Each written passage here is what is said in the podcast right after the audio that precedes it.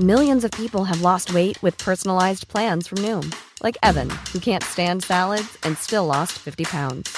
Salads, generally, for most people, are the easy button, right?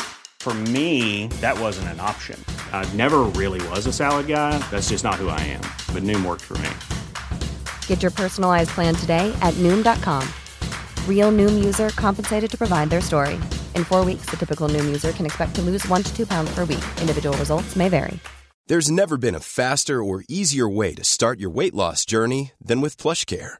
PlushCare accepts most insurance plans and gives you online access to board-certified physicians who can prescribe FDA-approved weight loss medications like Wigovi and Zepbound for those who qualify. Take charge of your health and speak with a board-certified physician about a weight loss plan that's right for you.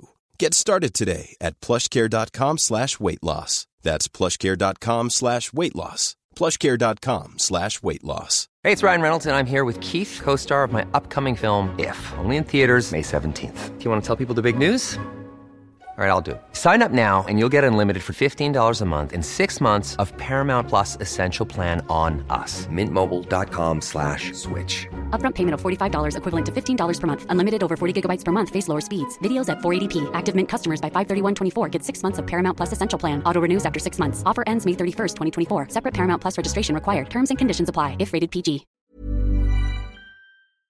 Veckans sponsor är Telia. Hos Telia samlar man mobil, bredband, IT-support, mobilväxel, allt som gör företagande enkelt. Och det är just det här att samla allt på ett ställe, att ha någon att vända sig till när det inte fungerar, det är Telia. Ett exempel på vad som inte är Telia, det är ju som när jag lyckas boka förmötet för en poddinspelning med Finansinspektionen till efter själva inspelningstillfället. Eller när jag här, här året var liksom, fick för mig att jag skulle börja springa, så jag är liksom ute och springer taggad, träffar en kompis som säger så du Jan, på måndag ska jag springa ett lopp. Och jag känner så här, ja men det låter inspirerande, så jag käkar pasta, jag byter om, tar mig ner till Malmö stadion för att göra en efteranmälan, står där i kön och sen så när jag liksom anmäler mig så tittar de på mig och säger så här, du Jan, vårhuset är bara till för kvinnor. Och eh, det var, det var typisk en situation som inte är Telia. Oavsett, ett stort tack till Telia som sponsrar, gör Rika Tillsammans möjligt, men framför allt tack till dig som lyssnar, följer och eh, hänger med oss varje vecka. Jag tror att humankapital är den mest förbisedda tillgången som vi alla har. Och jag tror faktiskt att det är ett stort misstag att inte ta hänsyn till det när man gör sin, eh, sin sparplan eller sin ekonomiska planering. Du lyssnar på Rika Tillsammans-podden som handlar om allt som är roligt med privatekonomi. I den här podden får du varje vecka ta del av konkreta tips, råd, verktyg och inspiration för att ta ditt sparande och din privatekonomi till nästa nivå på ett enkelt sätt. Vi som gör den här podden heter Jan och Caroline Bolmesson. Idag är det dags för avsnitt 253 och eh, idag ska det handla mycket om humankapital. Jag har eh, satt titeln så här, vad är ditt humankapital värt idag? Och diskussion om varför ska man spara? Vi kommer prata lite inflation, lite personligt humankapital, humankapital och dess plats i den finansiella planen. Och så är det naturligtvis en fristående del i vår serie som vi kör just nu, som är på den här Just Keep Buying. Den boken. Boken mm. av Nick Maggiuli. Mm. Och jag måste säga så här, Alltså jag ser jättemycket fram emot detta avsnitt. Jag har till och med klätt upp mig med skjorta och... och, Du har väl alltid skjorta och tröja. Mm. Men eh, varför, varför jag, för jag misstänker att eh, jag kommer bli utsatt för någonting här idag. Nej, men, det är därför du ser fram emot det. Nej, jag ser fram emot det för att jag tror att jag hoppas att detta avsnittet kommer vara liksom typ så här topp tre. Jag har en känsla, Topp tre? Ja, jag har en känsla för mm. att detta kan vara så superviktigt för alla att eh, lyssna på. Jag tror att man kommer få lite, lite dålig stämning, kommer vi ha, för mm. att vi kommer introducera något som jag tror att de flesta inte tänker på. Men samtidigt så tror jag också att man får lite liksom så inspiration och lite så en god känsla, att bara så här, shit, det är ändå, nog ändå bättre än vad jag tror.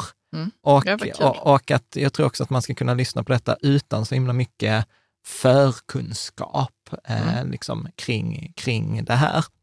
Så att eh, liksom detta är eh, återigen liksom vår tolkning, detta är en försvenskning. Vi har tagit avstamp i den här boken Just Keep eh, Buying av Nick Maggiulli som driver bloggen Off Dollars and Data. Mm. Eh, och, eh, och det är hans då kapitel 10. Det är roligt att Förr så kunde vi ha ett avsnitt om en hel bok. Sen blev det så här fyra kapitel i en bok blev ett avsnitt och nu är vi nere på ett kapitel är ett avsnitt. Men framför allt så är detta handlar, eh, om jag ska säga så här, största inspirationen till dagens avsnitt är då eh, det här Nick Maggiulli, men sen är det faktiskt professor Paolo Sodini från Handelshögskolan i Stockholm som vi hade i avsnitt 87 tror jag, Mm. eh, där vi kommer att prata mycket om humankapital idag. Och sen så vill jag också säga att återigen som vanligt ett stort tack till våra forumdeltagare. Förra veckan så gjorde vi det avsnittet som faktiskt jag också upplevde blev bra. Så här, hur mycket pengar behöver man till pension? Ja. Och liksom ett räkneexempel. Och sen brukar jag alltid säga så här att vår uppgift i bloggen och i podden och liksom här på Youtube är egentligen att liksom samla all den kunskap som finns där ute. Och redan när jag la ut förra avsnittet, så liksom nu är vi liksom onsdagen efter söndagen då vi släppte det. Och nu är det redan supermånga bra kommentarer i, i, av, i, i forumet. forumet Mm. som var så här, liksom, så här kan du göra avsnittet lite bättre. Inga fel, inga direkta fel skulle jag Men inte du säga. menar sån konkret feedback? Ja, eller? ja Mm. och Mm. liksom så här kan man tänka och så här kan man resonera. Så att jag rekommenderar verkligen, om ni lyssnar på förra avsnittet och tyckte det var bra, gå in gärna i länken i forumet och kolla liksom kompletteringar. Så att det, Kompletteringar till själva avsnittet. eh, Ja, med räkna på pensionen. Mm. Ja. Så att eh, det, det är lite roliga var jag skrev det bara så här, känns lite jobbigt att det har gått tre dagar och jag känner redan så här, åh, jag vet hur man kan göra detta bättre. Så att Ja, det blir en, men ändå är jo- bra jobbigt. ja, ja, ja absolut. absolut. Förr För det, kunde man vara så, shit, jag gjorde jättedåligt. Ja. nu är det så, efter alla år av personlig utveckling och terapitimmar och sånt så kan man tänka så, shit eh, vad bra att eh, går jag har fått så mycket feedback och det går att lyfta. Ja. det går att lyfta till Ja. nästa steg. Så att frågorna som vi kommer att hålla oss kring idag, det är egentligen så här, varför ska man spara? Vad ska man spara till? Vad är, vad är, vad är humankapital? Varför är humankapital viktigt? Vad är det värt idag? Hur ska man förhålla sig till det här human, personliga humankapitalet? Och, och, och, bara för att vara supertydlig redan nu, när jag pratar humankapital så är det inte sånt här corporate bullshit humankapital. Det känns Nej, bara för det så- finns ett, en sån term. Ja. Ja, och då är det Mm. så här, ja du vet, varje företag ett strukturellt kapital, så här bör företagsledare och ledningsgrupper investera i humankapital för att öka företags... Nej, äh, fuck it. Vi, här pratar vi om humankapital utifrån individens, oss som privatpersoner, oss som investerare, i, I vår ekonomiska... vår privatekonomi. I vår privatekonomi, ja. Mm. Så att det är inte, detta är ingen management, eh, corporate bullshit eh, Det verkar avsnitt. som du har någonting emot Ja, eh, men för, för att jag, när jag har gjort mycket- terminologi och kommunikation man använder inom eh, företagsmanagement och så. Ja, men det är väl lite så. Jag har suttit för många styrelser. Eh, Mm. Så att, eh, det, som jag säger, liksom lite fördjupning, eh, lite, vi kommer ha lite dålig stämning eh, för att eh, liksom, det kommer vara två jobbiga frågor. Eh, och de här två frågorna är så här, hur är din plan för att öka ditt humankapital? Vilket jag tror att de flesta av oss inte har tänkt på. vi Nej, kommer, vi kommer nej. att prata om det. Mm. Och sen så kommer vi också så här, har du tagit hänsyn till ditt humankapital i din finansiella plan? Mm. Vilket också är en sån fråga som jag tror att de flesta av oss inte har tänkt. Men om du inte har tänkt på det, så här, grattis, då är det bara att lyssna på detta avsnitt, för det, detta är vad vi kommer att prata om. Så hur tar man hänsyn till eh, humankapitalet i den finansiella planen? Hur ökar man humankapitalet? Varför är detta viktigt? Och att det egentligen, alltså nästan Paolo Sodini säger så här, det är den, en av de mest underskattade och bortsedda tillgångarna som vi, som vi har, helt enkelt. Alltså det är jättespännande redan faktiskt. Ja, Nu måste jag säga, utan att jag är sarkastisk eller så. Okej. Ja, Ja, Du tror alltid att jag är sarkastisk, jag är inte det. ja, men gött. Men Mm. då tänker jag att, att vi kör, men precis som vanligt så vill jag göra lite reklam för vår egen community, Rika Tillsammans-communityn på Patreon. Och detta är, där har vi ju våra sponsorer Mm. eh, som gör detta möjligt. Och jag, jag måste säga stort tack för att, alltså jag har ägnat, jag tror, två hela arbetsdagar åt research inför detta avsnittet. Och jag bara när jag satt där och bara så, åh, åh, kolla detta och kolla detta och kolla. Så var jag så här, gud vad lyxigt att, att vi kan sitta och göra den här researchen, sammanfatta allt det här i, i ett avsnitt. Vi behöver inte ha någon annan reklam, att vi ska säga, oh, detta avsnittet är sponsrat av, utan det är ni på Patreon som gör detta möjligt. Så ett stort, stort tack. Samtidigt så är det inte så att vi bara liksom vill att ni ska sponsra och inte få något för det. Eh, så, så, så, tanken, så jag har faktiskt tagit fram lite Patreon-fakta. Mm. Just nu, eh, när vi spelar in detta i då början av maj, 2022 eh, så har vi 43 stycken inspelade extraavsnitt. Vi har till och med en hel podd som heter Fika Tillsammans-podden. Och där är det allt från skam till vd för fondbolag. Vi pratar om hur en indexfond är uppbyggd. Vi pratar om skam. Vi pratar om... Det sa du. Ja, förlåt. Intervjuar börs Vi har pratat om specialinvesteringar. Vi har haft analysmöten. Vi har bjudit in analytiker. Vi har haft frågestunder mm. eh, etc. Vi har gjort 16 spekulationer, framförallt ja. börsintroduktioner. Av de här 16 har 14 gett vinst. Eh, I genomsnitt lite mer än 1000 kronor om man har gjort sådana här teckna sälj. Vi har en digital fika tillsammans varje onsdag. Vi har haft ett par fysiska möten. Men med allt detta, detta är vårt sätt att liksom ge massor av saker. Sen var det någon som var så här, ja, ni har varit med i din community sedan början, men eh, nu, nu hopp, hoppar jag av för jag har inte tid för allt som händer i Patreon-communityn. Och då blir jag så bara, nej, men alltså du behöver inte vara med på allt. Du väljer nej. engagemangsnivå jag själv. Detta allt, är ju, eftersom vi är ganska många i communityn, så är ju detta, någon gillar spekulationerna och skiter i så här, fika tillsammans om skam. Kom igen, det är en ja, ekonomipodd. Och någon annan är precis så här, jag, jag gillar inte ekonomi, men jag är med för de här avsnitten som handlar om... Emotionella sidan av pengar eller något annat. Men, men jag ska se, äh, erkänna att jag sponsrar någon, någon konstnär eller någon ja. serietecknare på Patreon. Och jag är ju inte där hela tiden och, och tittar vad hon Nej. gör, utan jag är där kanske en gång var fjärde månad och så ja. bara scrollar jag igenom och läser och sen är det ja. klart. Liksom, så har man fått det. Ja, men precis. Ja. Så, att, så att det är liksom så att jag är superglad. Och, och eh, som sagt, vi, det, det, vanliga är att man gör det på 75 kronor ex momsnivå, men som sagt, man kan välja nivå själv. Eh, så man kan trycka också om man är student och bara har liksom 15 kronor. Ja, mm. men gå, gå med på 15 kronors nivån. Liksom det är verkligen så här många bäckar små och det är detta som gör bloggen, forumet och allt, allt möjligt. Grymt, så slutreklam. Slutreklam, eh, ja. Tänker jag. Mm. Och nu går vi in i avsnittet då. Ja. ja. Så att detta är ju då, jag tog avstamp i kapitel 10 eh, i boken, i, i boken och mm. då handlar den om så här, eh, varför ska man spara? Eh, liksom, det var, det var liksom frågan. Och eh, då är liksom det, det korta svaret som vi ska liksom fördjupa oss resten av den här tiden vi har tillsammans idag, är så här, Invest to replace your waning human capital with financial capital. Uh, och sen så du kan läsa där vad han skriver. Mm. Detta är sammanfattningen. Mm. You won't be able to work forever, so replace your human capital with financial capital before it's too late. Investing is the best way to accomplish this. Ja, och då tar man liksom också så här att vi börjar i liksom, eh, Tyskland, slutet av 1800-talet. Och då har de ju rikskansler Otto von Bismarck som då inför, liksom så här, jag tror först den här pensionen. Och, och där var ju liksom staten, eh, hade ju liksom som uppgift, då, då man krigade och man hade en skola och skolans uppgift var att fostra goda medborgare och soldater. Och det var ju här i, i, takt med industrialiseringen och folk gick ju från att eh, bo på landsbygden när man tog hand varandra till att bo i städerna. Och, och då konstaterade man så här, ja men du vet, människor, du vet när de har slitits ut för att de inte kan jobba i industri, så är det väl rimligt att, de, att man betalar deras uppehälle. Så eh, då 1889 så infördes då allmän pension för de som var 70 år och äldre och då bekostade liksom staten deras Eh, deras utgifter. Eh, och detta blev en stor inspiration för Sverige som gjorde samma sak 1913. Eh, men då ska man också vara så här att staten är ju alltid smart. Eller liksom det är liksom så att de, 1851 så var medellivslängden typ runt 65, alltså 25 procent av alla människorna upplevde inte 70 års ålder.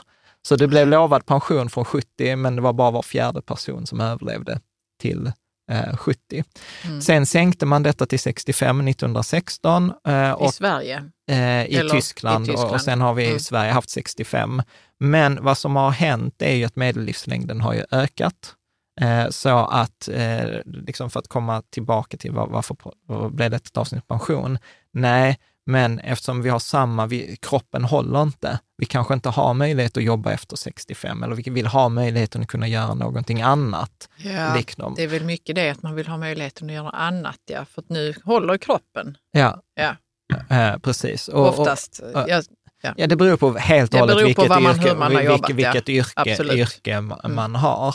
Eh, liksom. Men då är tanken att okej, okay, vi ska omvandla liksom, de här lönerna, vi ska spara en del av våra löner för att kunna leva på den i framtiden. Det är det som vi pratade om i förra avsnittet med pensions, eh, fond, eh, pensionssparande. Eh, och då blir det liksom, i och med att vi lever längre och längre och vi har ju pratat med läkare som har sagt så här att ja, men de kommande vad var det, de kommande 30 åren kommer medellivslängden förmodligen öka med 10 eller 15 år, så vi kommer ju leva långt mer. Och då jag tyckte jag såg någon artikel där det stod så att personen som, kommer, eh, som inte kommer dö av naturliga orsaker är redan född. Vilket jag tycker är så lite mindblowing. Eh, faktiskt. Jag tänker att den stackaren hamnar i en bilolycka. Ja, men... jag, tänker så, hur ska den dö då? Ja, men, inte vara så fatalistisk. Så, så Nick sammanfattar då, liksom så, här, så var, varför ska man spara? Eh, och han har tre anledningar. Du ska spara till ditt framtida jag. Du ska spara för att skydda dina pengar från inflation och för att du över tid ska ersätta ditt humankapital med ditt finansiella kapital. Så att du kan leva på ditt finansiella kapital istället för att leva på att du jobbar och byter din tid mot pengar. Men om man nu inte vet riktigt vad humankapital är? Vi kommer till det. Vi, ja, kommer, till vi kommer till det. Vi ska mm. först ha den här spara till sitt framtida jag. Sen brukar jag säga, men Jan, hur, jag fick en fråga i forumet som var så här, men Jan, du brukar ju säga att de enda tre grejerna man behöver spara till är buffert, boende och pension. Och så säger jag så här, ja, det är ju de liksom obligatoriska som de flesta Långsiktiga behöver. Ja, som de flesta mm. behöver göra. Mm. Sen kan man naturligtvis spara till semester, spara till barn, spara bröllop till, till bröllop och, och etc.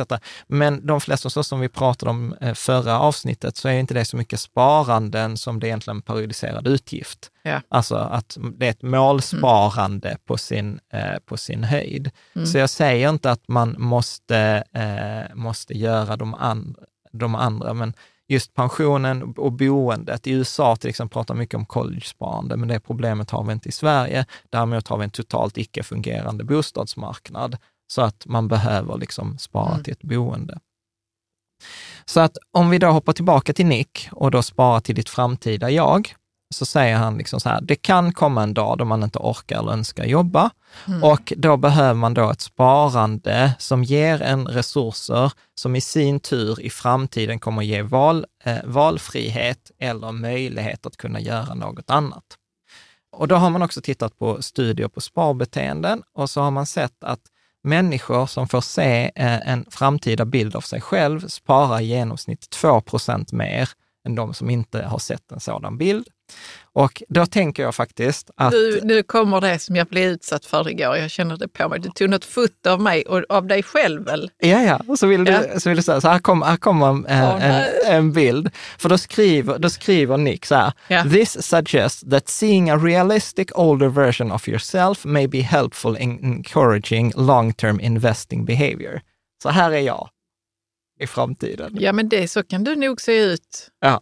Så då har med jag... skägg dessutom. Helt ja. kritvitt hår. Det här måste man ju se. Kommer du lägga ut ja, detta jag kommer på, lägga ut detta på... på I bloggavsnittet? Ja, absolut. Ja. absolut. Ja, men jag tyckte det, du ser ändå ganska attraktiv ut för en gammal gubbe. ja, det finns som sagt länk för dig som bara lyssnar på detta så finns det ett länk. Jag, jag har använt en app som heter Face App. Eh, Face App. Face app mm, jag man kommer kan ta ett bättre kort på mig själv ja, eh, sen, för jag och, känner på mig att detta inte blir bra. Ja, eh, den kostar typ så här 30 kronor i månaden efter fem dagar. Så, att, eh, så man kan Va? använda under provperioden. Men man, använder, man har alltså Face App Ja, för att ta en bild av sig själv. själv. Och, sen, sen, och sen trycker man så här, make older. Ja, Eller, vad, vad, använder man den mer till? För sen kostar den 30 kronor i månaden säger ja, du. Ja, precis. Men man men kan göra massa andra använder. filter, man ja, kan okay, lägga man skägg etc. Ah, okay. Så här tog jag en bild på mig själv och sen mm. tryckte jag på knappen old cool. Så detta är, old jag, cool, ja. Detta är mm. cool. Vill du se det själv? Ja, jag tar det nu. Ja. Men alltså jag är ju, det är ju ingen skillnad ju. Jo, det är lite mer rynkor och lite ljusare hår, men jag tycker ändå så här, ser ganska bra ut det också. Var det också old cool? Eller? Ja, ja. Så att nu Caroline kommer Ja, du spara, spara 2 procent eh, mer i, i genomsnitt nu när du, om du kan Jag se kommer det. behöva, nu vi får göra om det Jan, jag vill se äldre. Ja men jag tycker ändå jag ser jättefin ut faktiskt. Ja, du ser snygg ut. Faktiskt. Så att, eh, så att detta är ju ett sånt här, vill du spara mer, alltså man får mer empati för sitt framtida, eh, framtida jag. Ja absolut, absolut. Ja. Bara en parentes, Ja, jag, jag gjorde detta med Freja. Hon tyckte detta var läskigt. Eh, vår 11-åring, hon gillade inte det här. Nej. Ja, så att, Kan du eh, visa mig hennes bild sen? va? Nej, men det blir ingen bra, för Det barn, barn, bra. barn, på Barn, eh, funkar det inte. Nej, men, för de har inte växt eh, färdigt i ansiktet Nej. och sånt. Ja. Vad tyckte du om bilden på henne? nej, men det blir ingenting, det blir blir, ingen inget bra. skillnad. Men hon Nej. gillade inte bild, bilderna på oss. Nähä, på oss, okej. Ja. Det var inte hon själv? Nej, nej, nej. nej. Så, att, så att, ja, det var ett sidospår. Face-app, eh, man kan ha ganska roligt Visa inte era barn. med, med det här. Ja. Men i alla fall, så att det visar ju så här att studier visar att sparande för pension förändrar ett sparbeteende på ett annat sätt än att liksom spara till semester eller spara till konsumtion till ett hem eller spara till barn. Så att, eh, liksom att verkligen tänka på sig själv som att ja, men nu sparar jag till mig själv i framtiden. Det är till den där skäggiga gubben med vitt skägg. Eh, som Men vet du vad jag ska vara ärlig, att jag tänker på eh, ganska ofta så vad vi ska hitta på i framtiden. För jag tänker så, fan vi har 40 år kvar kanske. Ja. Och barnen kommer bli vuxna, de kommer få barn och då kanske vi kommer göra det här och resa och sånt. Ja. Och då tänker jag på mig själv att jag vill inte vara fet. Jag, Jag vill tänkte, jag tänkte att du skulle säga så här, jag vill inte vara fattig. Jag vill inte vara fet, jag vill inte vara fattig, jag vill vara nej men, äh, möjligheter med rörlighet och frisk. Och, Ja. och så, så diffust ser jag mig själv som någon slags eh, tant liksom, som ändå är ganska fit. Liksom. Ja, det, det Och då, så, och då har jag gjort den mentala bilden själv egentligen. Men Ja. när du sa att du skulle eh, ta ett foto på mig och jag gissade mig till detta då, så blev jag helt kall. Alltså bara, nej, jag är dödlig alltså. ja. Men eh, strunt samma, det var inte så farligt. Nej. Jag tycker man ska göra det. Jag tyckte det var en ganska fin bild. Det var så Ja, fan det är... Jag tycker man ska göra det också för att det är klart att man vill spara mer. ja. Emotionellt vill man ju ta sig dit, att man ska spara lite, lite mer för Ja, sina borde ta- framtida äventyr. ja, vi borde ta en parbild och sen så gör vi så här, så att vi blir sånt old couple. Ja, okej. så att det var så här, spara, så spara till ditt framtida jag. Det andra då är att skydda dina pengar från inflation. Och här brukar jag ge på utbildning en, en fråga som är så här, om du fick en hundralapp i doppresent, alltså när du föddes, hur mycket av sitt värde, alltså i form av köpkraft, har den förlorat fram tills idag? Var det inte 25 kronor eller någonting sånt på 18 år? Alltså det var, Ja, Men men var det- du, är- du är född 77. ja, Ja, så om du fick en hundralapp när du föddes då, ja. liksom, hur mycket av sin köpkraft har den förlorat? Tills? Alltså det är så typ, jag vet inte, hälften kanske eller någonting sånt. ja, 80 procent. 80 procent. Ja. Så 80 procent av sitt värde har den förlorat. Om du bara hade haft den på ett bankkonto. Så jag har utan 20 någon- kronor kvar. Du har 20 Mm. kronor kvar, precis. Eh, och man kan säga att ungefär eh, 20 procent mellan doppresent, så en hundralapp man ger en doppresent tills barnet fyller 18, alltså tar studenten, så har du förlorat ungefär 20 procent eh, av sitt värde. Så det är ungefär 80 kronor i värde kvar. Om man inte skulle gjort någonting Ja, precis. I investeringsväg Ja, med den. Ja, precis. Och detta är därför jag säger att ta låg risk är lika farligt. För det är en, eh, ta låg risk över en lång tidsperiod är en garanterad eh, förlust. Mm. Eh, och vill man kolla detta så kan man kolla, googla ekonomifakta och så räkna inflation. Ekonomifakta är en sajt och sen så trycker man in där 100 kronor från 2021 och till året man är född. Och då får man så 100 kronor 2021 motsvarar 22 kronor 1977. Vad sa du att man kunde gå in? Ek- man bara googlar, man, man googlar ekonomifakta räkna på inflation. Mm. Och sen har jag roat mig med att jag har tryckt så här, om jag är född 1920, 1921, 1922, jag vet att det var kanske inte det mest, mest värdefulla användningen av min tid, men jag älskar ju grafer. Så jag har gjort en graf från 1920 till 2020 med inflation och då märks det typ att eh, från 1970, alltså då hamnar vi under 20 kronor, typ runt 1950, då är vi nere på 5 kronor. Så att från den, till exempel min mamma som är född på 50-talet, i början av 50-talet, en hundralapp då har förlorat 95 procent av sitt värde, mm. vilket är ju helt bisarrt. Liksom. Eh, så att man kan säga till exempel när jag är född, när jag är född så kostade det som idag kostar 100 kronor, kostade bara 33 kronor ja. då. Ja. Eh, eh, så, så att om vi läser från Nicks bok om inflation, du kan läsa här. As Henny Youngman once said, Americans are getting stronger.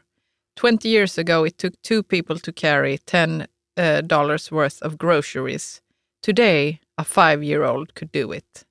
Ja, jo, och, och då, ja. då, är tanken liksom inte att, att man har blivit starkare, utan just att 10 dollar har ju förlorat så mycket köpvärde, så att ja. innan fick du två, två ka kassar mm. med liksom två kassar med varor, men idag kan du så eh, inte göra det. Så jag ska skriva vidare. Detta är inte fortsättning på det första stycket, men du kan läsa. You can think of inflation as an invisible tax that is paid by all the holders of a given currency. The holders pay this tax year in and year out without even realizing it. Their grocery bill slowly climbs. Maintaining their property and vehicles gets more expensive, and the cost of their child's education increases each year. Meanwhile, has their pay um, gone up to offset these increased costs? Maybe it has, maybe it hasn't. Mm. Så att det är liksom så att det är som vi har pratat om, i, om inflation i tidigare avsnitt, till exempel med Erik Strand, eller då avsnitt 247 tror jag med Riksbanken, då vi har ett helt avsnitt om inflation, så kan man ju se inflation som en skatt. Alltså som att priserna ökar, men våra löner eller våra inkomster ökar inte alltid i samma takt eh, som, som då in, inflationen. Och då gör han en graf där han visar till exempel, okej, okay, vid 2 inflation, det som är Riksbankens mål, då kommer ju inflationen ha ätit upp hälften av dina pengar på 35 år. Eh, liksom.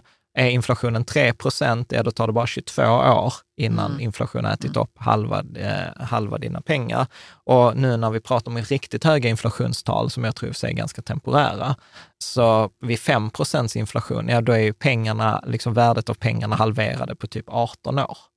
Så att inflation är liksom eh, någonting som är väldigt liksom, farligt. Sen kan man också prata, som vi pratar om, hur kan man skydda sig med inflation, till exempel att just då investera, eh, som vi kommer komma till.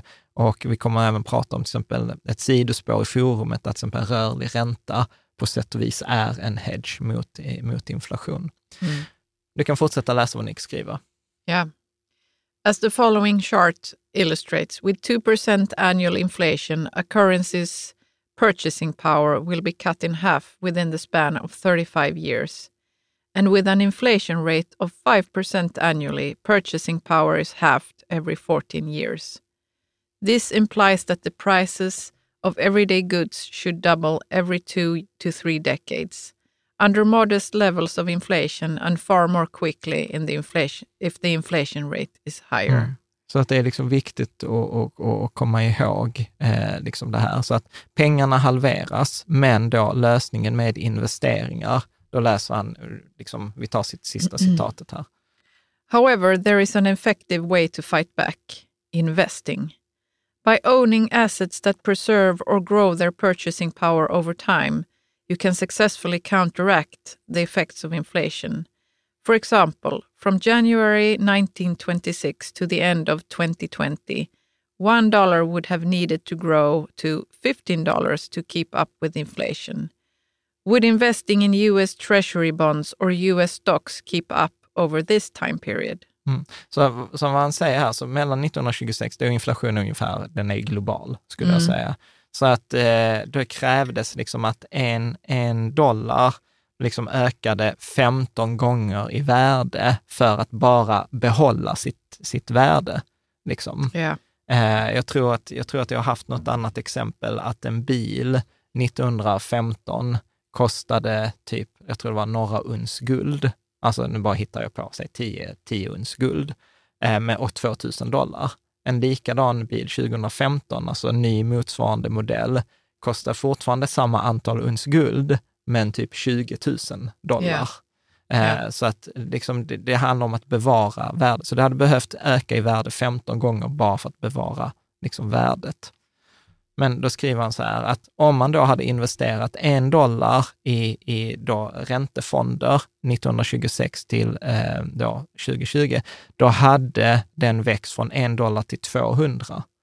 Så att den hade varit 13 gånger större än den här inflationen. Och hade man investerat i en, global, eh, en amerikansk indexfond mellan 1926 och eh, 2020, så hade en dollar växt till, till nästan 11 000 dollar. Alltså det vill säga 729 gånger mer än inflationen. Mm. Så att man behöver inte vara så himla rädd för den här inflationen eh, om det är så att man kan investera. Så detta är ju det andra svaret på frågan, så varför ska man investera? Jo, du ska investera för att eh, spara till ditt framtida jag. Du, ska, du måste investera för att skydda dig mot inflation. För att bara ha pengarna på bankkontot, ja men det ser vi, det är garanterad förlust, en ganska stor förlust.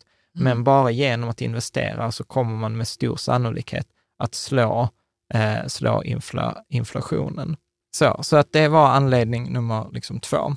Och då tänker jag att vi fortsätter med anledning nummer tre. Mm. Det här nu med, nu kommer vi börja komma in på det här med humankapital, liksom som kärnan i dagens avsnitt.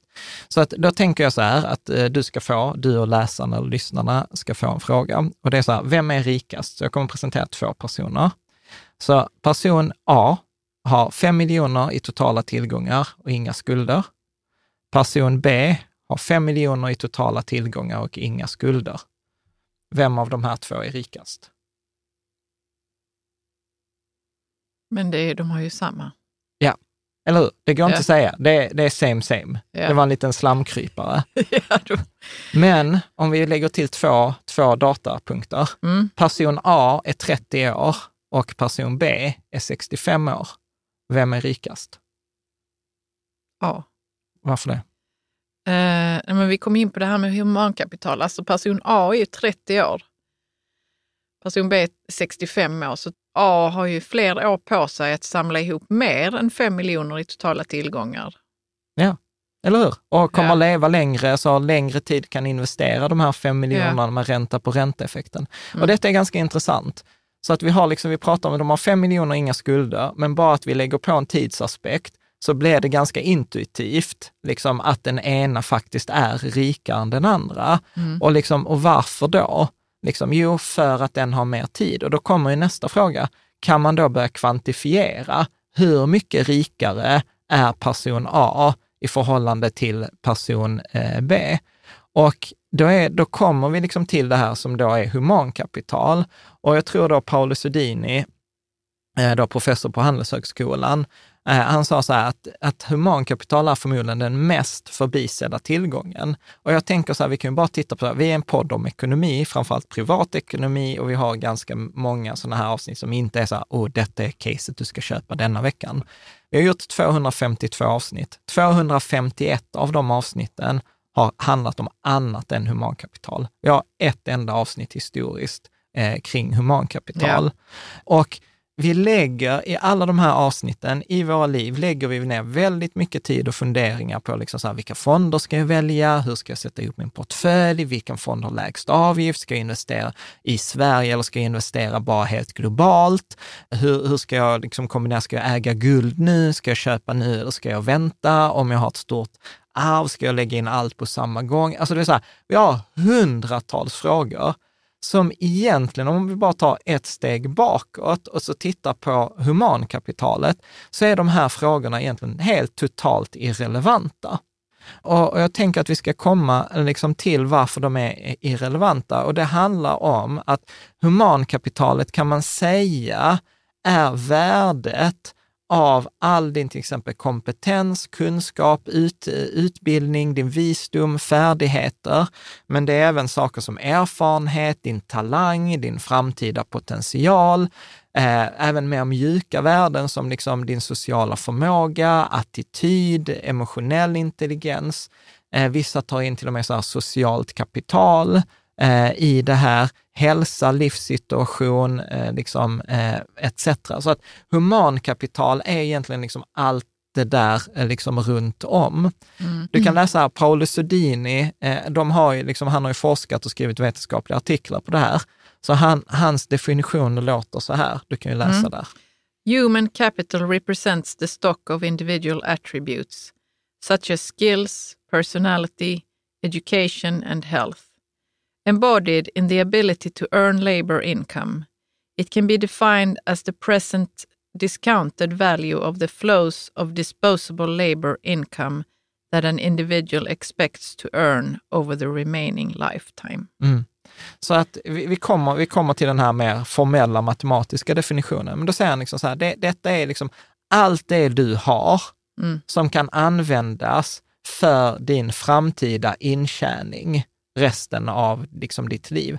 Så att humankapital, det som jag tror jag inte har riktigt tänkt på förrän, förrän jag gjorde researchen här, är att humankapital har även en tidsaspekt.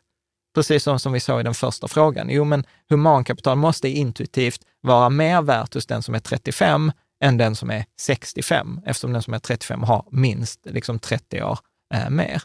Och och det andra intressanta på det här blir att alla de här, eller inte alla, men många av de här delarna kan jag ganska aktivt förbättra. Jag kan förbättra min hälsa, jag kan förbättra min kompetens, jag kan förbättra min liksom, sociala förmåga, jag kan försöka förbättra min attityd, jag kan bli bättre på mina skills eller mina färdigheter. Men däremot, min tid kommer minska varje timme. Liksom yeah. Varje dag kommer den minska. Och då kommer ju den här frågan, okej, okay, men så vad är, vad är humankapitalet värt idag? Om vi utgår från hans eh, definition som är då the present discounted value of the flows of disposable labor income. Uh, alltså så att, då, då kommer vi prata om det, liksom så här diskontering. Alltså att vi ska räkna ut nuvärdet av alla våra framtida inkomster. Och detta är lite klurigt, så jag tänkte jag ska ta ett exempel. Så att säg att jag har 100 kronor. Mm. Så då kan jag ta de här 100 kronorna och så kan jag sätta in dem på ett bankkonto och så är det 1 procents ränta på det bankkontot. Så det betyder att om 12 månader kommer jag ha 101 kronor på det bankkontot. Det är det jag kommer få tillbaka om jag tar ut pengarna, eller hur? Ja. Och då kan man säga så här, så idag är då eh, värdet av 101 kronor i framtiden är värt 100 kronor idag med en diskonteringsränta på 1 procent. Men för jag kan ta mm. mina 100 mm. kronor idag, investera dem till 1 procents ränta för att om ett år ha 101 kronor. Ja. Eller Så värdet, ja, ja. Av, värdet av den framtida inkomsten om en krona är 100 kronor, alltså en krona plus de 100 kronor satt in är 100 kronor idag. Ja. Häng, hänger med? Så det är nuvärdet. Eh, så nuvärdet eh, är 100 kronor. Det framtida värdet är, summan är 101 kronor, diskonteringsräntan är 1 procent. Eh, och när man tittar då, de som jobbar med diskonteringsräntor på humankapital, vem är det? Försäkringsbolag. För om det är så att jag blir liksom sjuk eller jag råkar ut för en olycka och inte kan jobba, så vill jag ju på något sätt liksom kunna få den inkomsten som jag skulle kunna haft om inte detta hade inträffat. Är med? Så försäkringsbolag. Ja. Ja, ja. Så att då brukar tumregeln för, eh, för eh, diskonteringsräntan för humankapital är mellan 1 och 3 procent. Eh, som räntan på det här banklånet, det är 1 till 3 procent. Och jag har gjort en liten räknare, så detta satt jag och roade mig med i natt. Eh, då gjorde jag en räknare som det kommer en länk till. Då kan man trycka in sin lön, sin ålder när man har tänkt gå i pension och diskonteringsränta, så kommer den räkna fram då vad eh, humankapitalet är idag. Ja, varför har du skrivit att diskonteringsräntan bör vara noll här? Här har vi för att jag ville göra en jämförelse, så vi har en tråd i forumet. Detta är därför jag älskar forumet. Så när jag gjorde researchen så liksom la jag det. Och vi, i forumet så älskar vi sådana här jämförelser och diskussioner. Då ville jag så att alla använder samma diskonteringsränta. Ja. Eh, liksom, mm. Och då blir det enkelt, för då börjar man räkna sin lön per månad netto gånger 12 och gånger antalet år kvar till pension. Så, ja, har, så, så, har alla, och då behöver ja. man inte ens räknare liksom, för det där. Ja, men detta är sån här lyx man får göra på jobbet eh, och lägga ut eh, så här. Så att, då tänker jag att vi ska ta ett exempel och då tänker jag att det bästa exemplet det är att vi tar Anna från förra avsnittet. Och Anna är då en typisk mediansvensk. Eh, hon är typ 40 år gammal. Hon tjänar 32 400 kronor innan skatt. Eh, som är medianlönen i Sverige 2022 och det blir ungefär 25 000 brutto eh, och hon är 40. Så att då tänker jag att vi ska räkna på hennes humankap värdet av hennes humankapital fram till 65, det vill säga 25 år framåt. Och då blir det väldigt enkelt, 25 år gånger 25 000 i månaden gånger 12, då blir det 7,5 miljoner. Ja, så med? hon får ut 25 000 ja. Ja, och tar vi en diskonteringsränta på 1 procent så är det 6,6 miljoner, en diskonteringsränta på 2 procent 5,9, 3 procent 5,2. Eh, och då blir liksom betydelsen, okej, 5,2 procent eh, eller 5,2 miljoner kronor i värde på sitt humankapital vid 3 procents diskonteringsränta. Vad innebär det rent Ja, vad praktiskt? innebär det? Jo, men det innebär att om någon kom till Anna och Anna hade en trygghet, jag kan med liksom stor säkerhet få 3% avkastning på mitt kapital varje år utan liksom någon, några problem. Om någon erbjöd henne ett belopp på 5,2 miljoner, liksom, så borde hon ta det och sluta jobba. Men? För vid 3% avkastning så kommer det motsvara exakt hennes lön på 25 000 kronor efter skatt varje månad fram tills att hon är 65 och då är det här beloppet slut. Är ni med?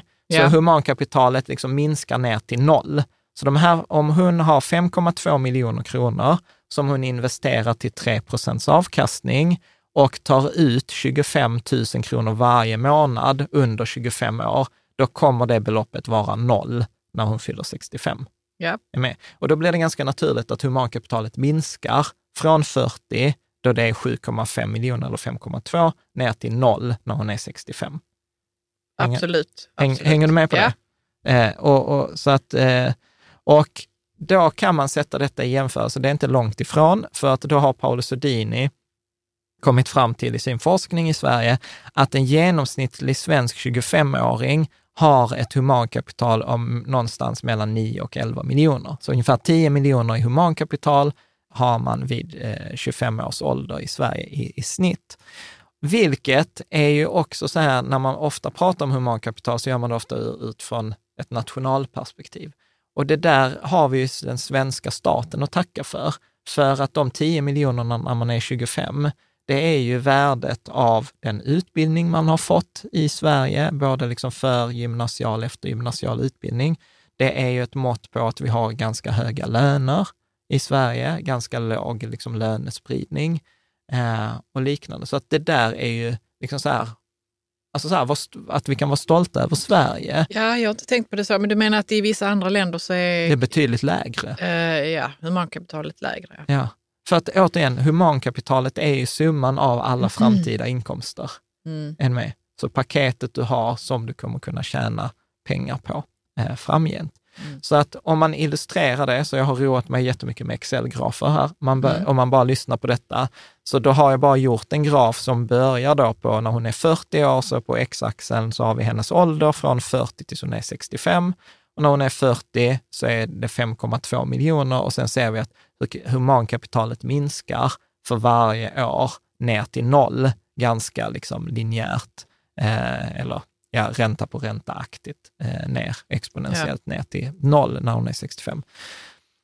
Så att detta tycker jag är liksom ganska eh, liksom intressant, för det visar på att vi har en stor tillgång och den minskar i värde eh, över tid som Ja. vi blir äldre. Så man har satt siffror helt enkelt på Ja. humankapitalet. Ja, vad, tänk, vad tänker du hittills? Jo, men eh, jag tycker alltid det är bra att mäta saker. Ja. Absolut. Men så här, Det det, det, viktigaste, det viktigaste för mig är så här, att, det, att det är intuitivt. Alltså så här, ja, när jag är 40 så är, är jag mer attraktiv på arbetsmarknaden, jag har många löner, jag har fortfarande 25 års karriär framför mig. Ja. Medan när jag är 63, då är jag inte så attraktiv på arbetsmarknaden, tyvärr. Vilket gör ju naturligt att human, värdet av mig, liksom utifrån ett rent humankapitalperspektiv, är ju mycket lägre i 63 års ålder än vid Mm. 43 års ålder. Ja. Okej? Det vet, låter vettigt ju, Ja. så som det ser ut i samhället. Ja. Mm. Men då kan man ju också titta så här, livet tar ju inte slut vid 65.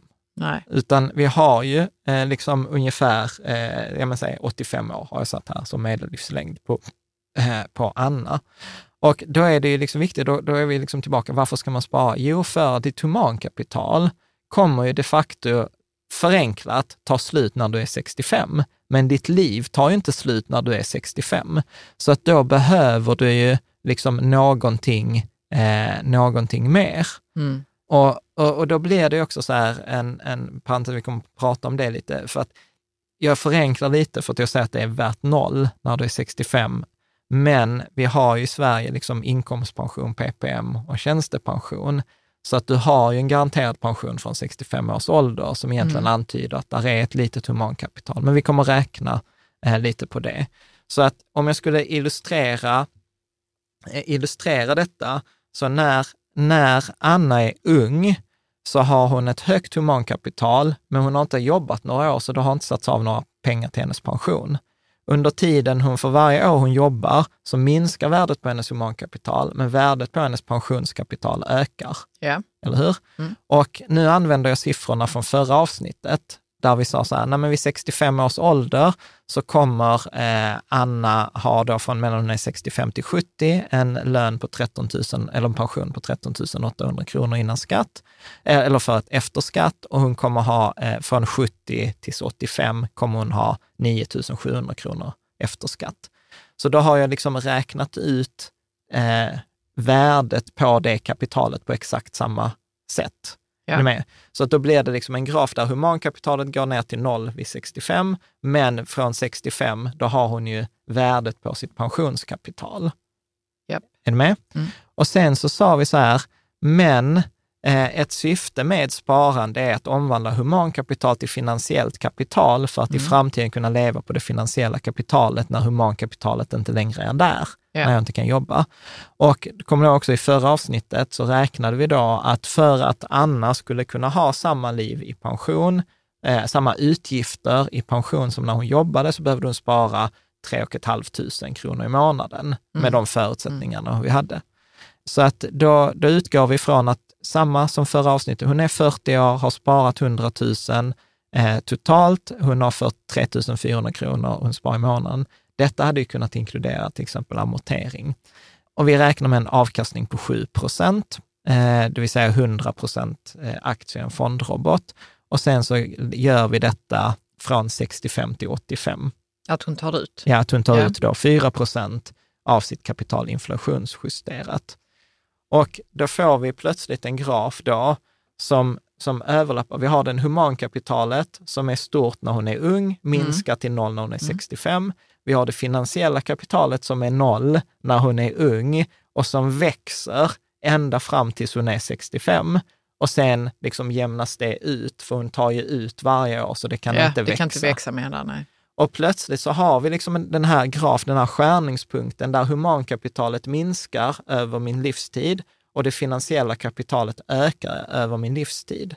Och då är det egentligen så här, det som jag har, jag har faktiskt sagt detta tidigare, men inte på det här förfinade sättet, att syftet med mitt sparande är ju att byta ut, eller syfte, så här, uppgiften jag har i mitt liv, detta låter ju jävligt så här, ekonomiskt rationellt. Syftet i mitt liv är att byta ut mitt humankapital mot finansiellt kapital Ja. och göra det så effektivt som möjligt.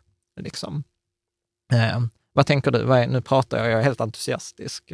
Ja, men det... Jag har inget att invända mot detta. Ja, det jag förstår detta. Okej, okej, det är logiskt. Ja.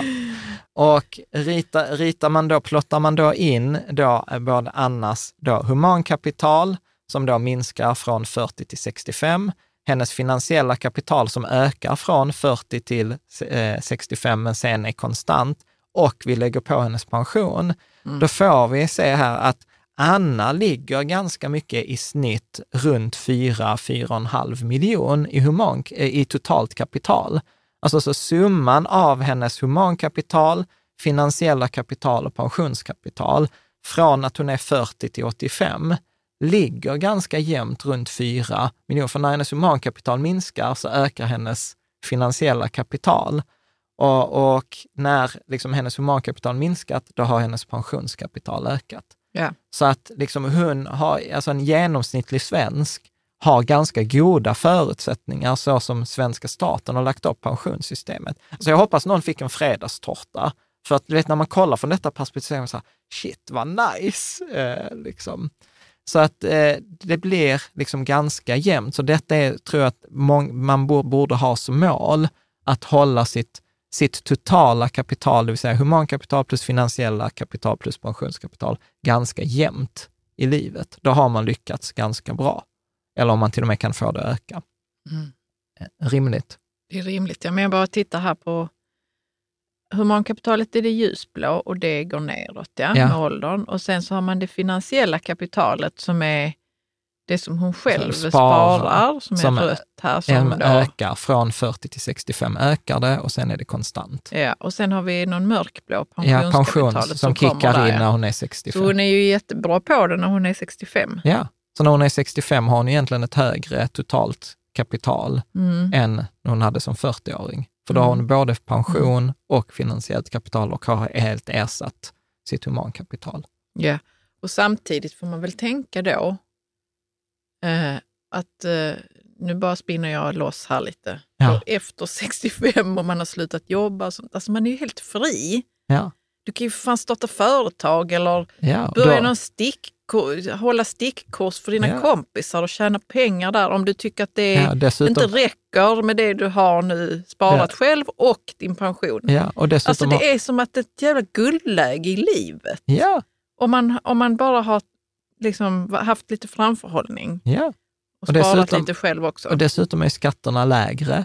Liksom, Skatterna är lägre, lägre, ja. Och sen som jag brukar säga också, det finansiella kapitalet växer ju som mest i slutet. Mm. Eh, och, och, där som jag brukar säga, nu minns jag inte exakt siffrorna, men det var typ så Warren Buffett som är så 80 plus, att eh, liksom, han var väl 80, vid något tillfälle så var, hade han en förmögenhet på 85 miljarder US-dollar och typ 80 av de 85 miljarderna kom efter hans 65-årsdag. Mm. Eh, han hade så mycket pengar som det blev ja. ränta på ränta på ja, ju. Ja, precis. Och pengarna, tanken är ju att pengarna dubblas ju. Alltså en bra tumregel är att pengarna dubblas vart tionde år. Mm. I en indexfond mm. eller en fondrobot, räkna med att pengarna dubblas vart tionde år. Mm. Och då säger det sig själv, om man har fem eh, miljarder liksom som ökar från 5 till 10, 10 till 20, 20 till 40, 40 till 80. Alltså, det mm. blir ju jättemycket. Det blir jättemycket. Liksom, på det där. Så att då är det viktigt också att sen säga att nu, nu har vi gjort de här eh, graferna något förenklade, att det minskar jämnt mellan 40 till 65. Men då är det viktigt att komma ihåg så att, att humankapitalet kan också förändras. Mm. Alltså så här, när du ökar din lön, om du byter jobb, som vi brukar rekommendera, så här, att det dummaste man kan göra, som de flesta gör, tycker jag, är att när man har fått ett nytt jobb så slutar man söka nya jobb. Alltså jag tycker då har, då har du ju allt att vinna på att söka jobb. Du behöver inte ta det får du ett nytt jobb så kan du gå till chefen och säga så här, du jag trivs jättebra på det här jobbet, jag vill gärna stanna kvar, men jag har fått ett annat erbjudande. Tror ni att ni skulle kunna matcha det? Matcha lönen, ja. ja. Mm. Och om du då höjer lönen, ja då ska vi multiplicera det alla de där åren fram till pension. Så plötsligt kan du få ett jättehögt liksom, förändring i ditt humankapital. Mm. Om du till exempel väljer att, ja men som vår kompis Kajsa, som när hon jobbade i ett logistikföretag och sen var så här, nej men nu vill jag hoppa av och plugga till läkare. Alltså hennes humankapital ökar ju drastiskt mm. från det här bytet eh, som liksom i logistik till, till läkare. Liksom ja, så. det gör det ju och det, det kan jag skriva under på. Hon hade ju blivit vd på det företaget. Det vet ju både hon och du och ja. jag. Ja, ja. Och fått en hög lön. Men alltså som läkare,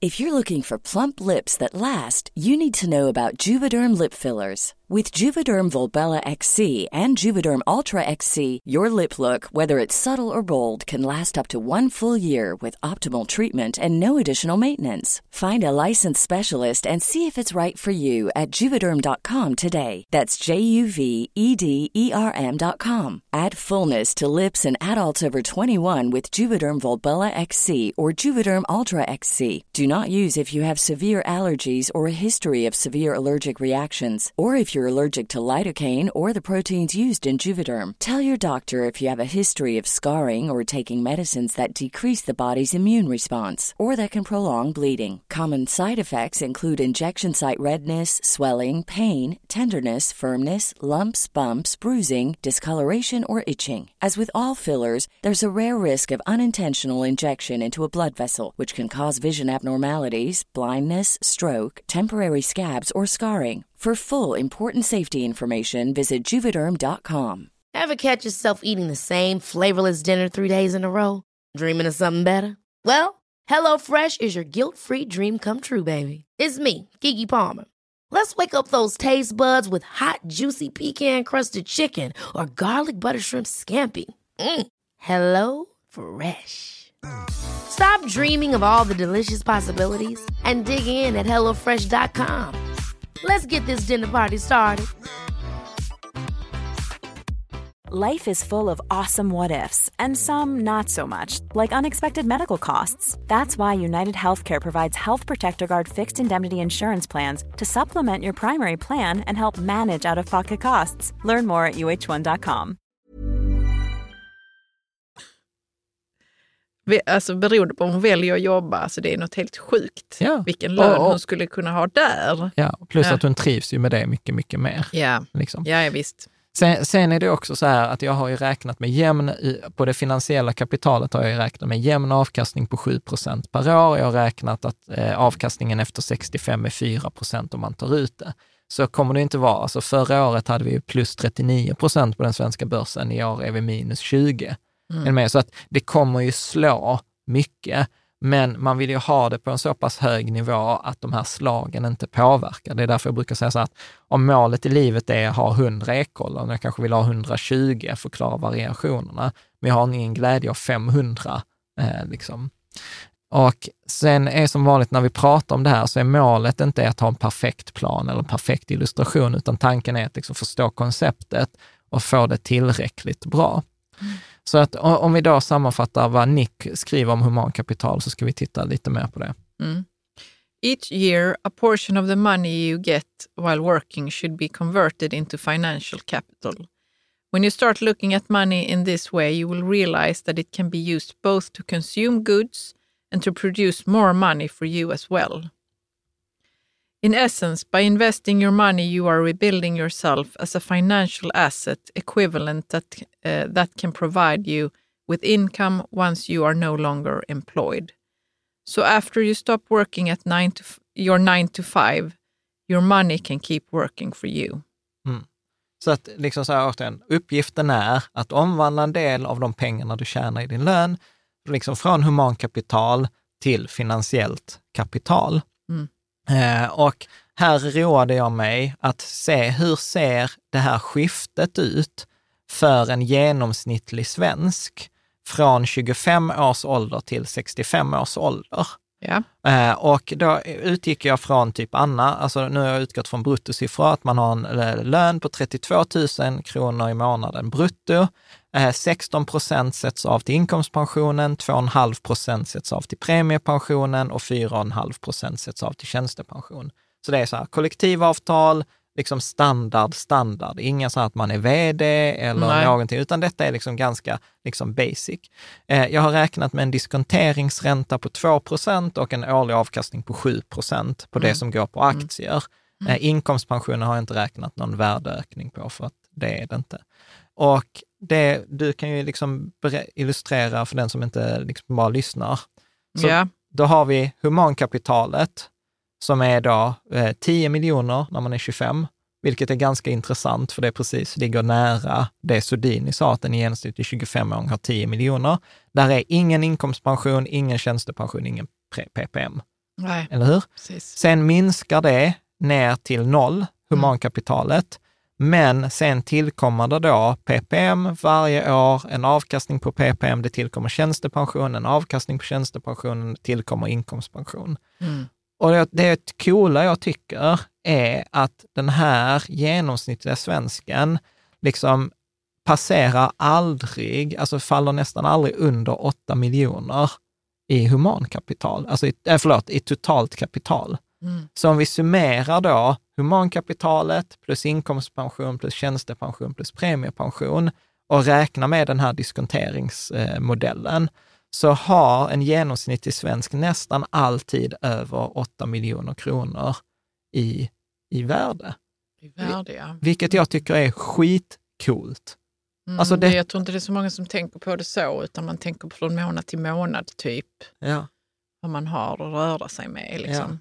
Och detta är också återigen högst teoretiskt, detta är intressant utifrån ett samhällsperspektiv. Mm. För detta visar ju sig att en genomsnittlig individ i Sverige borde klara sig ganska bra under arbetslivet och ganska bra i pension. Ja. Är med?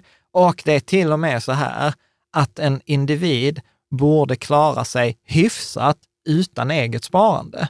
För jag har inte ens lagt ja, in jag något vet, du har eget inte sparande. lagt in det. Jag har Så, inte- så börjar jag fundera så på vad är det då som inte stämmer?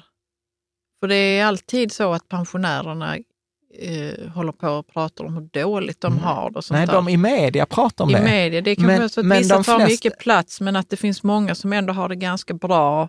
Ja.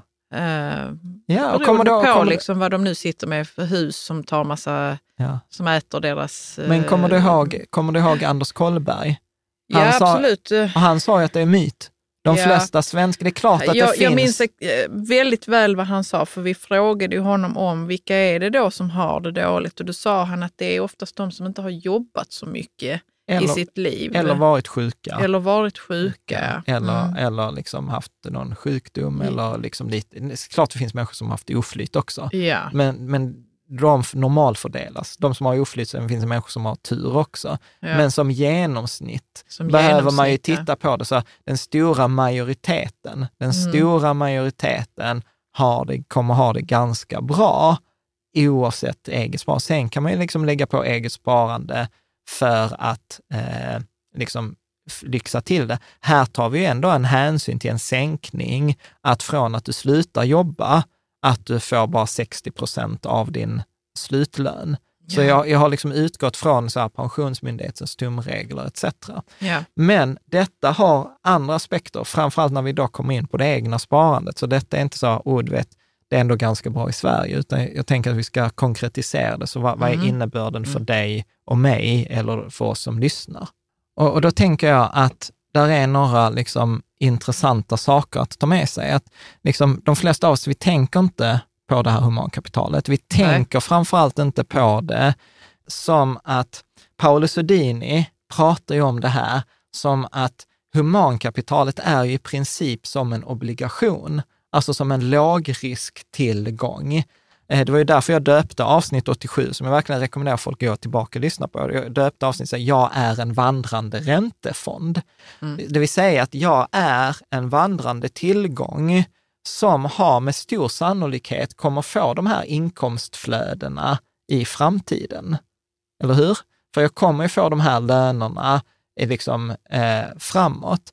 Och de flesta tänker inte på det här, att det är ju därför till exempel bankerna lånar ut, till exempel när du och jag köpte hus, så lånade vi över 5 miljoner kronor. Hur kommer det sig att någon lånar ut 5 miljoner kronor till någon som då hade ett eget kapital på typ 2 miljoner, alltså lånade ut två och en halv gång? Mm. Jo, för att de har ju en säkerhet i det här humankapitalet. Eller hur? Ja, vi åtar oss att betala det här. Det är därför de tittar på den här Vi har tid på oss att betalningsförmågan. betala det. Mm. Exakt. Och det är ju därför det också förklarar varför är det enkelt att få lån som 30-åring, men jättesvårt som 60-åring. Mm. För att humankapitalet, de här inkomsterna framgent är färre, osäkrare eller Mm. mindre eh, än för en 30-åring. Ja. Eh, så att, så att liksom det här humankapitalet, implicit finns det där i bakgrunden, men vi har aldrig riktigt tänkt på det, utan vi tänker bara så här, ja men jag får låna pengarna för att jag har säkerhet i boendet. Men det är, Det är inte, inte bara det, nej. det är inte bara det, för att vi har ju kompisar, eh, eller kompisars föräldrar, eh, en kompis förälder som skulle sälja en, en jätteparadvåning på, liksom, i Stockholm, vid, vid vattnet på Östermalm. Så här, lägenheten var väl värderad 40 miljoner. Eh, och sen skulle de, det här eh, paret som är lite äldre, skulle, ville, låna två miljoner för att renovera den. De fick inte lån på två miljoner trots att de hade 20 miljoner i värde i, i lägenheten. Och då var det just av anledningen att okej, ja, säkerheten fanns där i det fysiska objektet. men de hade inte betalt. Banken var osäker på deras betalningsförmåga och mm. deras betalningsförmåga som de var pensionärer var en spegling av deras låga humankapital. Mm. Och då kan man ju liksom också börja tänka på det här, okej, okay, men om det är så att jag är en stor räntefond, då borde jag också ha andra aspekter på det här och kunna börja titta på det. Till exempel kan man ju säga att någon, exempel, nu, nu kommer en fördom här, men om man till exempel jobbar statligt eller i en offentlig eh, verksamhet, så är jag ju mer säker, eh, liksom mitt humankapital är mer tryggt än om jag jobbar i en startup. Jag tänkte precis du skulle säga startup. Absolut. Ja, eller, ja så är det ju. Så eller, är det. eller i liksom någon annan liksom oljeindustri eller ja, alltså du vet, någonting, lite osäkrare. någon osäkrare mm. liksom, bransch. Så att man kan liksom börja tänka på det här, hur, hur ser riskerna ut? Så att plötsligt så får man ju till allt det där som egentligen hur vi utvärderar tillgångar och investeringar, kan man ju också börja titta på sig själv som en tillgång. Eh, liksom. Jag tänker också att när man väl sitter där och tittar på sin, sitt humankapital, ja. om man nu vet hur man ska göra det, liksom. Ja. och man kanske söker jobb och sånt, man har ju sitt CV och allting. Ja. Där har man ju vad man kan ungefär. Ja, precis. Nästa en del gång... av det, en del av det. Men jag tror aldrig man har, eller man kanske inte funderar så mycket över om man verkligen realiserar potentialen i det. Ja, absolut. Så nästa gång ska jag bara skicka så här, eh, inget säga, mitt humankapital är 15,5 miljoner. uh, men, uh, ja men du har... Du har Skicka det till en möjlig arbetsgivare. Ja, förhoppningsvis, hade gett, det. förhoppningsvis hade det gett upphov till följdfrågor. Ja. Men, men då kan man också börja titta på det här, nu pratas det mycket om inflation, alltså mm. aldrig pratat så mycket om inflation. Nej. Och och då blir också en sån här grej som bara blev liksom en naturlig följd, som jag inte har tänkt på. Ja, men vad är den bästa försäkringen mot inflation? Vad är den bästa tillgången mot inflation? Jo, men det är ju humankapitalet. Ja, om du har det, ja. Ja, men ja. Som om, jag har ett, om jag har ett humankapital, om jag har ett högt humankapital, så kommer jag alltid kunna begära en inflationsjusterad lön eller löneökning. Mm. Mm. Är ja. med? Och på det sättet så blir ju humankapitalet en försäkring mot inflation. Att då behöver man inte oroa sig så himla mycket för inflation, som jag vet många gör, för att ja, men ditt humankapital är en försäkring, mm. är en inflationshedge. Eh, och hela detta resonemanget förklarar ju till exempel också problem som man ibland hör, det vill säga idrottare som tjänar så här asmycket pengar, men de gör det under tio år. Till exempel hockeyspelare. Ja, precis. Det beror på vilken ja. sport man är Ja, eller fot, det spelar ingen roll. Men, så här, professionella, ja, absolut, professionella idrott. Mm. För, för att där kommer ju någon tid då du inte längre är så här, typ Zlatan som är 81 mm. som jag. Mm. Du vet så här, han, han är ju en panschis i fotbollsvärlden nu, liksom jämfört med en 23-åring eller en 24-åring. Så att, och, och, nu vet vi ju att Zlatan är ju savvy, eller vad man heter på engelska, att han är ju duktig. Savvy? Ja, att han är ju duktig på att ha omvandlat sitt humankapital, alltså lönen och tjäna till investeringar. Han har ju investerat i liksom fastigheter eh, etc. Men de som inte gör det har ju liksom en jättehög intjäning under ett par år, men sen går ju deras humankapital till noll i 40-årsåldern. Mm. Är du med? Mm. Och det betyder att de har ju mycket kortare tid på sig att omvandla ett liksom humankapital till ett finansiellt kapital. Ja, och det tror jag också är ganska tydligt för dem. För ja, många, inte för alla. Nej, kanske inte för alla, men det är, för vissa är det nog ja. så att man tänker att det där, nu har jag en begränsad tid. Liksom. Ja, de som är kloka gör det, mm. men, men mm. vi, man ser ju de här i nyheter. Liksom så här, ja du vet, hockeyspelar nu liksom hemlös. Nu är det extremt. Jag har sett det, men ja. ja. Mm. Och då när vi började prata om det här, så om vi har det här humankapitalet, då börjar vi liksom inse att detta är ganska viktigt. Det är ganska mycket värt. För en 25-åring är det värt 10 miljoner. För, eh, för Anna som var 40 var liksom mer än 5 miljoner oavsett hur vi räknade. Mm. Uh, och då var det en kommentar faktiskt från Erik Nässén som har varit med i oh, avsnitt... Bil, eh, bil, bil Erik. Ja. ja. Men du kan, du kan läsa vad, vad han skriver här. Kanske ja. Så detta är en tråd som vi har om humankapital på forumet som jag satte igång med. Precis, han kallar sig Skogstomten ju ja. eh, i vårt forum. Kul idé, skriver han. Kanske borde det dock finnas med ett slags justering för sannolikheter för långtidssjukskrivning, egen, eh, Eller annans. egen anna, eller annans, föräldraledighet eller andra saker i livet som trots allt påverkar. Annars lurar man sig lite att det är en säker inkomst framöver som kommer, ur, som kommer in. En påkörning bakifrån i bilkö, whiplash-skada och vips kan matematiken se helt annorlunda ut. Och sen skriver han så här. Även ett digitalt vattenpass med väldigt många decimaler kan trots, eh, vad står det, trots eh, Synbart hög noggrannhet visa helt ett fel, om det, trillat. trillat ner på golvet. Ja. Och där tänker jag så här att det är många som försäkrar liksom sitt boende, har en Mm, hemförsäkring.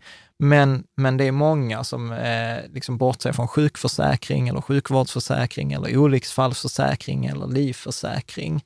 Eh, så att där, är liksom så här, eftersom vi har ett stort värde i det här humankapitalet så är det ju värt att försäkra. Sen blir det också att eftersom vi pratar om att humankapitalet sjunker över tid mot noll, mer eller mindre, så minskar ju behovet av den där försäkringen på humankapitalet. Med att en livförsäkring när jag är 65 är inte lika relevant som en livförsäkring när jag är 40. För Nej. förhoppningsvis ja, har ju liksom det finansiella och pensionskapitalet eh, ökat eh, då. Mm. Sen kom det en annan kommentar här kring humankapital innan vi ska gå in på de sista två frågorna. Detta är från Aim Higher. Ja. Han skriver, Eh, måste all, allt humankapital värderas i pengar? Om inte kan man värdera på annat sätt. Tänk om jag jobbar ideellt, typ inom idrott, facklig verksamhet, välgörenhet etc. Eh, jag kan försöka svara på min egen fråga. Första steget är att ideellt arbete skapar nytta någonstans, förhoppningsvis, men ger inget betalt till den som utför arbetet. I nästkommande steg kanske den nyttan värderas i pengar, vilket innebär att det ideella arbetet kommer kunna värderas i kronor. En del kommer dock att ge upphov till kunskap, välstånd etc. hos den som tar emot hjälpen, utbildningen och dylikt. Mm. Och jag skulle nog också säga att ideellt arbete är ju, alltså det är ju någonting du har gjort som du, som du har i ditt CV om man säger så. Alltså du Ja. har ju jag skulle säga att frivilligt volontärarbete Ja, ökar ju humankapitalet. Absolut. Absolut, absolut. Och det finns ju, eh, jag tror, tror till och med Madeleine Albright, som ju var utrikesminister väl i Mm. USA. Hon, var ju, hon hade ju fyra eller fem barn och jobbade rätt så mycket ideellt tror jag. Vid, Mm. eh, alltså, och jag tror hon utbildade sig väl också. Men det var det här ideella arbetet som också gjorde att hon fick en sån karriär sen. Mm. Absolut.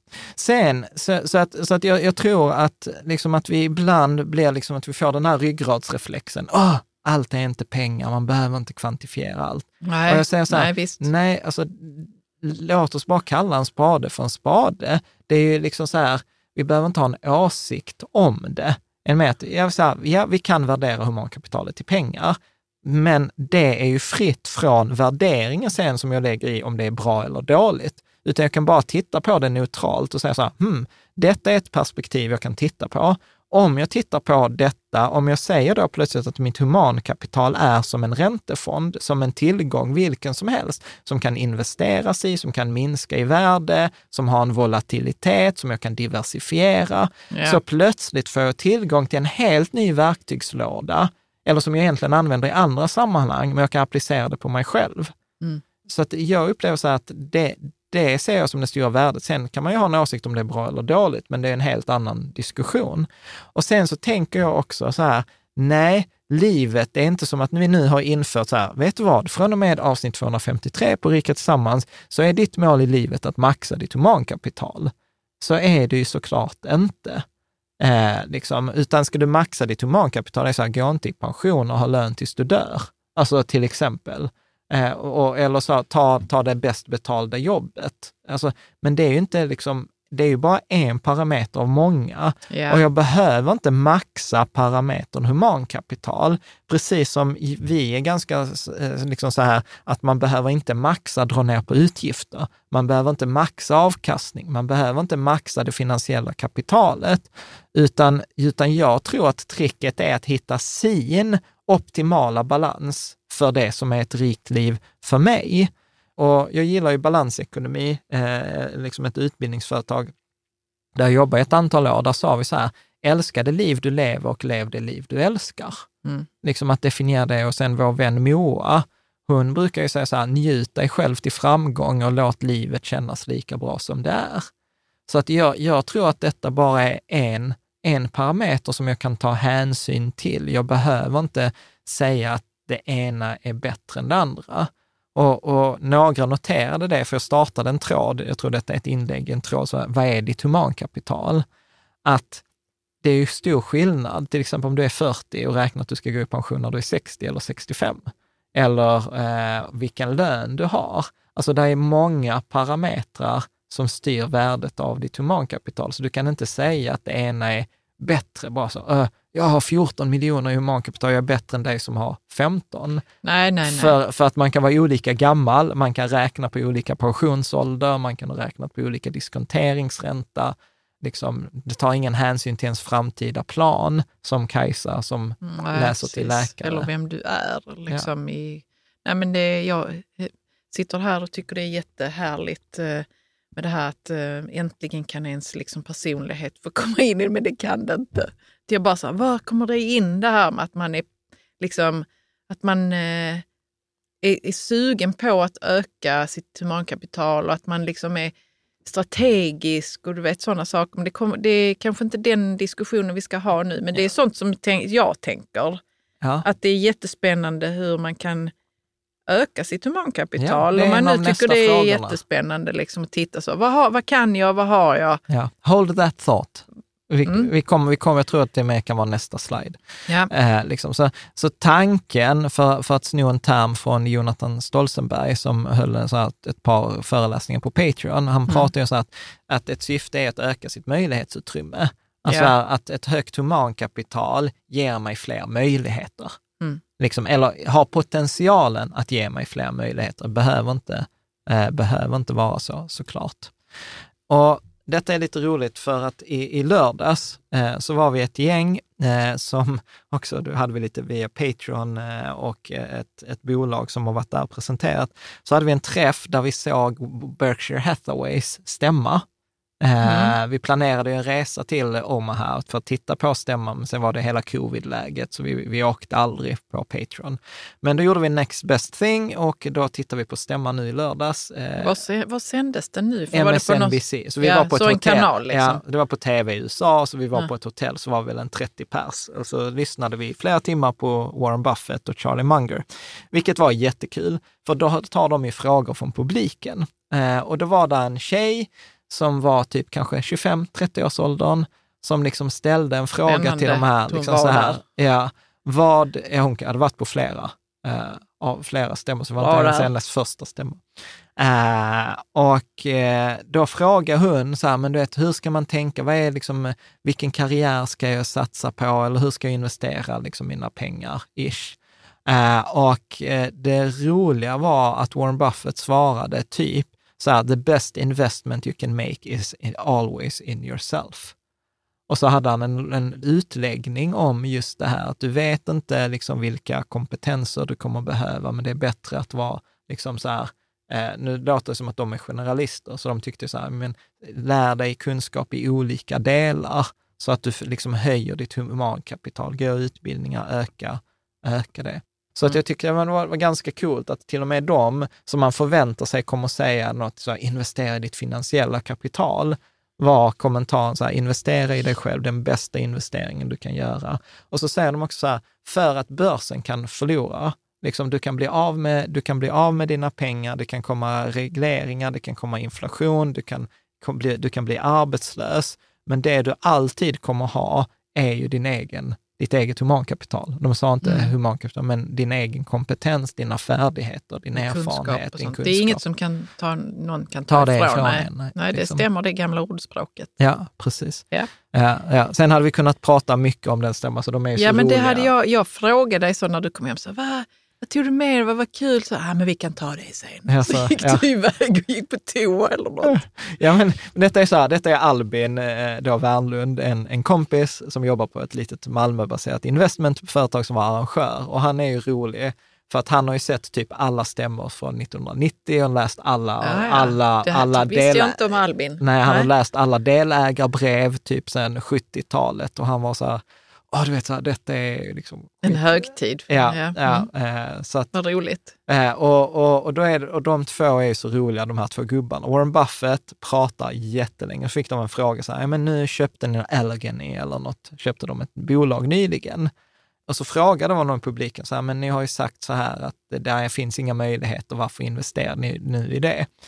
Warren Buffett har en lång utläggning. Jag har följt bolaget i 60 år, jag fick ett mejl och bla bla bla. 60 år, ja. Ja, ja, har tålamod. Ja, ja. Och sen Charlie Munger bara så här, bara när han får ordet. Jag hittade något jag gillade bättre än amerikanska räntefonder. Och sen sa han inget mer. Liksom. Jag tyckte det var jättekul. Nej, precis. Då får man liksom fundera ut vad han menade med det. Om Ja. han nu förstår det. Liksom. Ja. Han bara gillade det. Han bara gillade så Han bara han, gillade och han det. var så kort, så han satt och käkade godis. Warren Buffett höll låda och sen sa han sådana one-liners. Liksom. Ja, men i alla fall om vi kommer tillbaka. Eh, Nu kommer vi tillbaka till avsnittet här. Ja. Ja. Men då är ju till exempel humankapital, här visar jag bara en jämförelse av lönenivå eh, efter, eh, före skatt, efter land per utbildningsnivå. Och då ser vi till exempel... Då har vi Norden här nu, förutom Ja. Island. Ja, det är inte så relevant för den Nej. som lyssnar, men så här, det man kan se är att ju högre utbildning, desto högre lön Ja. till exempel. Mm. Så att humankapital, att, att investera i, i utbildning ger högre lön. Sen Mm. hade man kunnat önska att det var för större skillnader mellan de som har utbildat sig och inte, men det är liksom återigen en politisk eh, liksom, fråga. Så att det är ju liksom ett steg hur Mm. man kan tänka på det. Och innan vi kommer in så, på just hur kan man öka sitt humankapital, så var det Pareto, en annan forummedlem, eh, som skrev en väldigt intressant kommentar. Så jag tänker att du kan få läsa på det. Ja. Jag brukar även ta med socialt eh, kapital som en tredje bucket. Värdet av exempelvis relationer, nätverk och status. Oftast kan man investera från en buck, Alltså eh, från en hink. från en hink ja, för att eh, stärka de andra. Exempelvis används finansiellt kapital för att gå en utbildning och stärka humankapitalet. Eller investera humankapital i form av tid för att stärka de sociala, det sociala kapitalet. Eller använda socialt kapital för att skapa finansiellt kapital, exempelvis genom att be om en, eh, ekonomiskt stöd från familjen. Ja, eller få access till investeringar Ja. eller få ett nätverk. Ja, men det är bra tänkt av Ja. Pareto. Ja, Mm. så att jag gillar ju så att till exempel en, en sån här fråga att ta med sig, för många gånger tycker jag frågorna är mer intressanta än svaren. Mm. Men det är så här, hur ser flödet mellan de olika typerna av kapital i ditt liv ut? Mm. Alltså hur ser flödet mellan ditt human, ditt eh, sociala och ditt finansiella och till exempel ditt pensionskapital ut? Mm. Ja, jag tänkte på det eh, som någon frågade oss, eller sa så att ja, men eh, vad har du för liv? Visa mig din kalender och ditt kontoutdrag så ska jag säga vad du har för liv. Ja. Som du eh, säger så, med träning är viktigt, då kommer det synas i kalendern och i kontoutdraget. Ja. Eller eh, ja, vad det nu än kan vara. Liksom. Ja, om, du, ja, om, du har vän, om du gillar att hänga med vänner. Ja, då kommer det också synas i I kalendern, kalendern och och kontoutdraget. Ja. Ja. Man kan titta där om man, om man tycker det är svårt att se flödena. Ja, ja precis. Eh, så att, och, och här tänker jag liksom att, att återigen inte att det ena är bättre än det andra, utan jag tror att här, att hitta någon liksom inställning på det här som passar. Jag kan ju till exempel säga så här, jag har ju använt jättemycket socialt kapital för att skapa finansiellt Mm. kapital. Mm. Att det har vi till exempel gjort på, på Patreon, Ja. där, där vi har liksom gjort vissa investeringar som vi inte hade kunnat göra annars. Och det är ju tack vare kontakter, eftersom tyvärr så är det ju mycket i Sverige att, att kontakter eh, och ger, ger access eller ger en, Så en absolut. fördel. Mm. Eh, liksom. Eh, och, och vi har ju använt liksom, tid och humankapital för att utbilda oss till exempel, eller att ja, men, investera i sina... Folk säger ju så här, investera i sina relationer. Ja, och då Mm. tar man ju tid och, och lägger det i sociala kapital. Så att, Mm. så att man kan börja tänka på det så också, att inte bara tänka på det som att jag är en vandrande räntefond, men jag kan också använda de här, alltså att byta ut, byta ut dem. Liksom, ja, nu har jag finansiellt kapital, ja, men då köper jag mig tid. Jag köper mig tid med hemstädning, städning hemma, för att då kan jag använda den timmen för att hänga med mina barn eller ta en extra lunch eller Mm. liksom ta, ta så här. Och då tänker jag att vi ska ta de sista två överkursfrågorna. Och då är det ju den här, så att hur ökar man sitt humankapital? Det som du var inne på. Att, att ställa sig frågan så här, när ökade jag mitt humankapital senast? Att hur gjorde jag det liksom medvetet? Hur ser planen för... Ja, men vad, är, vad är det som ligger där på mitt, mitt... Alltså om man bara har det nerskrivet, så, vad man Ja. kan och vad man... Eh, liksom vad man... Eh, vad ska man säga? Vad man har gjort Ja. i sitt liv och vad det har lett till för kunskaper och färdigheter och vem man är, alltså vad man har Ja. för personlighetsdrag och vad de kan leda till. Och så. Man, jag tror nästan, alltså så hade jag nu börjat bara titta så, vad har jag? Ja, ja, absolut. mitt, Ja, vi har en tråd i forumet som, också, som heter så här, hur ökar man sitt humankapital där man kan få inspiration? Ja, Alltså, men det är superbra. Det är ju allt från liksom så här frivilligarbete, läsa böcker, hänga på våra fika tillsammans, alltså ha en coach. Absolut, och det är kanske så att det ena passar mig men inte dig. Ja, ja, så måste du också få lov att vara. Liksom, att Absolut. jag vill eh, hänga på fika tillsammans men jag hinner inte något annat. Liksom. Ja, Mm. precis. precis. Och där är ju det roligt, som på vissa, vi har ju vissa som är på dem, vi har ju så här onsdagsfika varje onsdag klockan tre. Det är roligt för då har vissa som alltid säger gå på promenad. Så då Ja. kombinerar de så här, okej men titta, jag går på promenad och jag höjer mitt humankapital. Liksom, Precis, och ja. jag förmodligen kan jag även höja mitt finansiella kapital eftersom jag kanske gör mindre misstag. Eftersom vi har pratat nu Ja, men ganska mycket. Alltså, grejen är den att jag har väl suttit med och lyssnat två gånger och så har jag tänkt så, fan är jag inte med mer på det här, alltså lyssnar. ja. För det är som att man blir lite extra smart. För det är massa smarta människor där. Och det är eh, oftast eh, ganska så aktuella ämnen Ja, ja. som dyker upp ju. Ja. Det är som en sån här, nu öser vi ut det som vi tänker och tycker och tror och, och oroar oss för i världen och ekonomin och sånt. Och så pratar ni om det. Och jag har lyssnat med någon gång och bara tänkt, shit vad bra detta är. Alltså det här får jag ju liksom höra hur mycket bra som helst. Ja. Som jag sen bara kan slänga ur mig så, till någon förälder när jag hämtar Elsa och man bara verkar vara så skitsmart. Då ska det ju sägas också att de här onsdagsfikorna som vi har på Patreon, de är ju så här med flit utan agenda. Ja, precis. Alltså, så, så att Mm. vi, vi, har, vi spelar inte in dem för man ska kunna liksom provprata och säga vad som helst. Vi har Ja. diskuterat säkerhetspolitik, vi har pratat om eh, storskogen, vi har pratat om massa olika grejer. Men, men, men här, om man återigen tar ett steg bakåt, så kan man börja jobba med sin, alltså att ha en plan. Vi har ju oftast en plan för vårt finansiella kapital. Så jag ska investera så här, vi har läst massor av böcker, vi har liksom skissat upp så här, fr- frågor i forumet. Så här, hur ska jag investera? Men det är många så här, okej, fondrobot, så här, så här kan du tänka. Men de flesta av oss har inte gjort den här planen för vårt humankapital. Där vårt humankapital, ska jag säga, för majoriteten av de som lyssnar, är betydligt större än deras finansiella kapital. Så det är egentligen mycket viktigare att, huma- Ja. att, att lägga, tid, lägga planen för humankapitalet än lägga planen för det finansiella kapitalet. Mm. Och, och sen tror jag också att titta på det liksom så här utifrån ett, eh, också å, återigen Jonathan Stolzenberg, eh, som också på Patreon, eh, han har en sajt som heter anpassningsbar.se, eh, där han pratar om exempel, vad är farligast versus troligast? Med, ditt, med mitt humankapital. Liksom kommer till exempel sådana frågor, kommer mina färdigheter efterfrågas om 20 år? Mm. Det, det vet man inte. Liksom. Eh, hur, hur ser, hur ser eh, branschosäkerheten ut? Liksom så här, kommer jag kunna fortsätta jobba? Kommer denna branschen finnas kvar i Sverige? Är det liksom till exempel taxi? När, Mm. när Uber kom så blev det liksom prispress neråt. Så blev det liksom osäkerhet. Eh, vad händer om jag blir sjuk, eh, till exempel?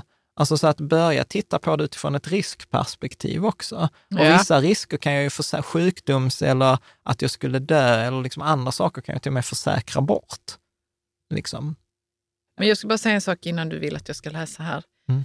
Eh, Jag tror att vi intuitivt vet om att vi har ett humankapital. Ja, Och de människor som jobbar och är i karriären och känner så, de, de, är ju liksom, de jobbar ju på det. ja, Känner att det här har jag något flyt liksom som pågår i mitt liv. Om man nu inte jobbar, ja, jag känner några som inte gör det, Ja. som kanske inte behöver det ens. Eh, Jag upplever att det kan vara så att man blir lite, man undrar så vad, eh, alltså Ja. att det intuitivt kan kännas som att man är inte i jobb med sitt Nej. humankapital eller sin potential eller vad det nu kan vara. Att det är, Ja. Men, Liksom- men, men det, jag skulle säga att det är något helt annat. Jag skulle säga att det, Ja, det handlar om, det, det jag, skulle, jag skulle säga att det handlar om självförverkligande och sense of self-worth. Eftersom vi lägger, vi lägger ju massa, återigen, vi lägger ett helt känslopaket i humankapitalet, eller i vem vi är. Det liksom. gör vi, det gör vi, men det kan också vara så att om man säger som jag ska gå den här kursen Ja. och så kan andra fråga sig, men vad ska du nu? Vad ska du med det till? Ska du nu bli eh, tecknare liksom? Eller vad, förstår du att det är intuitivt? Tror jag att vi tror hela tiden att vi behöver göra någonting av allting som vi tar kurs för eller liksom ägnar oss åt. Och det är inte alltid så att, det finns, att man behöver ha en plan kring vissa Ja. saker. Fast vad handlar detta om för dig egentligen, Caroline? Nej, men jag tänker att eh, man kanske kan bli lite överväldigad av att man nu måste göra en plan för sitt, Nej, man måste inte sitt göra en plan. Alltså, också. Liksom. alltså, det är inte säkert att, eh, att eh, som, som Jonathan Stoltenberg säger, Ja. alltså man kanske inte behöver planera jättelångt in i framtiden. Nej. Utan ta de kurserna som man tycker om. Ja, men du, det- bla- jag, jag Ja, upplever du att, du, du tycker att, att nej, jag- jag tycker att du blandar äpplen och päron här. Okej. Alltså, jag, jag tänker så här, vi har, alla har ett humankapital. Okay? Vi, den är där oavsett om du gillar det eller inte. Mm. Ja. Och då menar jag på så här, här har du en möjlighet att liksom säga så bara, hej humankapitalet, vad kul att du är i mitt liv. Vet du vad, nu ska vi göra detta tillsammans och medvetet. Eller vi kan fortfarande låtsas att det inte är där, men det kommer ändå vara där. Ja. Är du med? Mm. Sen, återigen, jag behöver inte maxa mitt human. Bara för att jag går en kurs i teckning så behöver jag inte tänka så här, hur går detta i linje med min plan för mitt humankapital? Jag faktiskt att jag gör teckningskursen för att den ska maxa en annan stapel som heter tillfredsställelse eller lycka eller glädje eller kreativitet, whatever. Mm. Vi, vi är inte, återigen, det är så lätt att falla i fällan att vi ska, vi ska maxa det här. Absolut, det är det jag menar. Ja. Det är det jag menar, John. Ja. Ja. Så, så att det behöver inte maxas, utan det är bara liksom säga så här, ah, titta, hej, och detta är så här vi kommer dansa den här dansen. Mm. Liksom. Mm.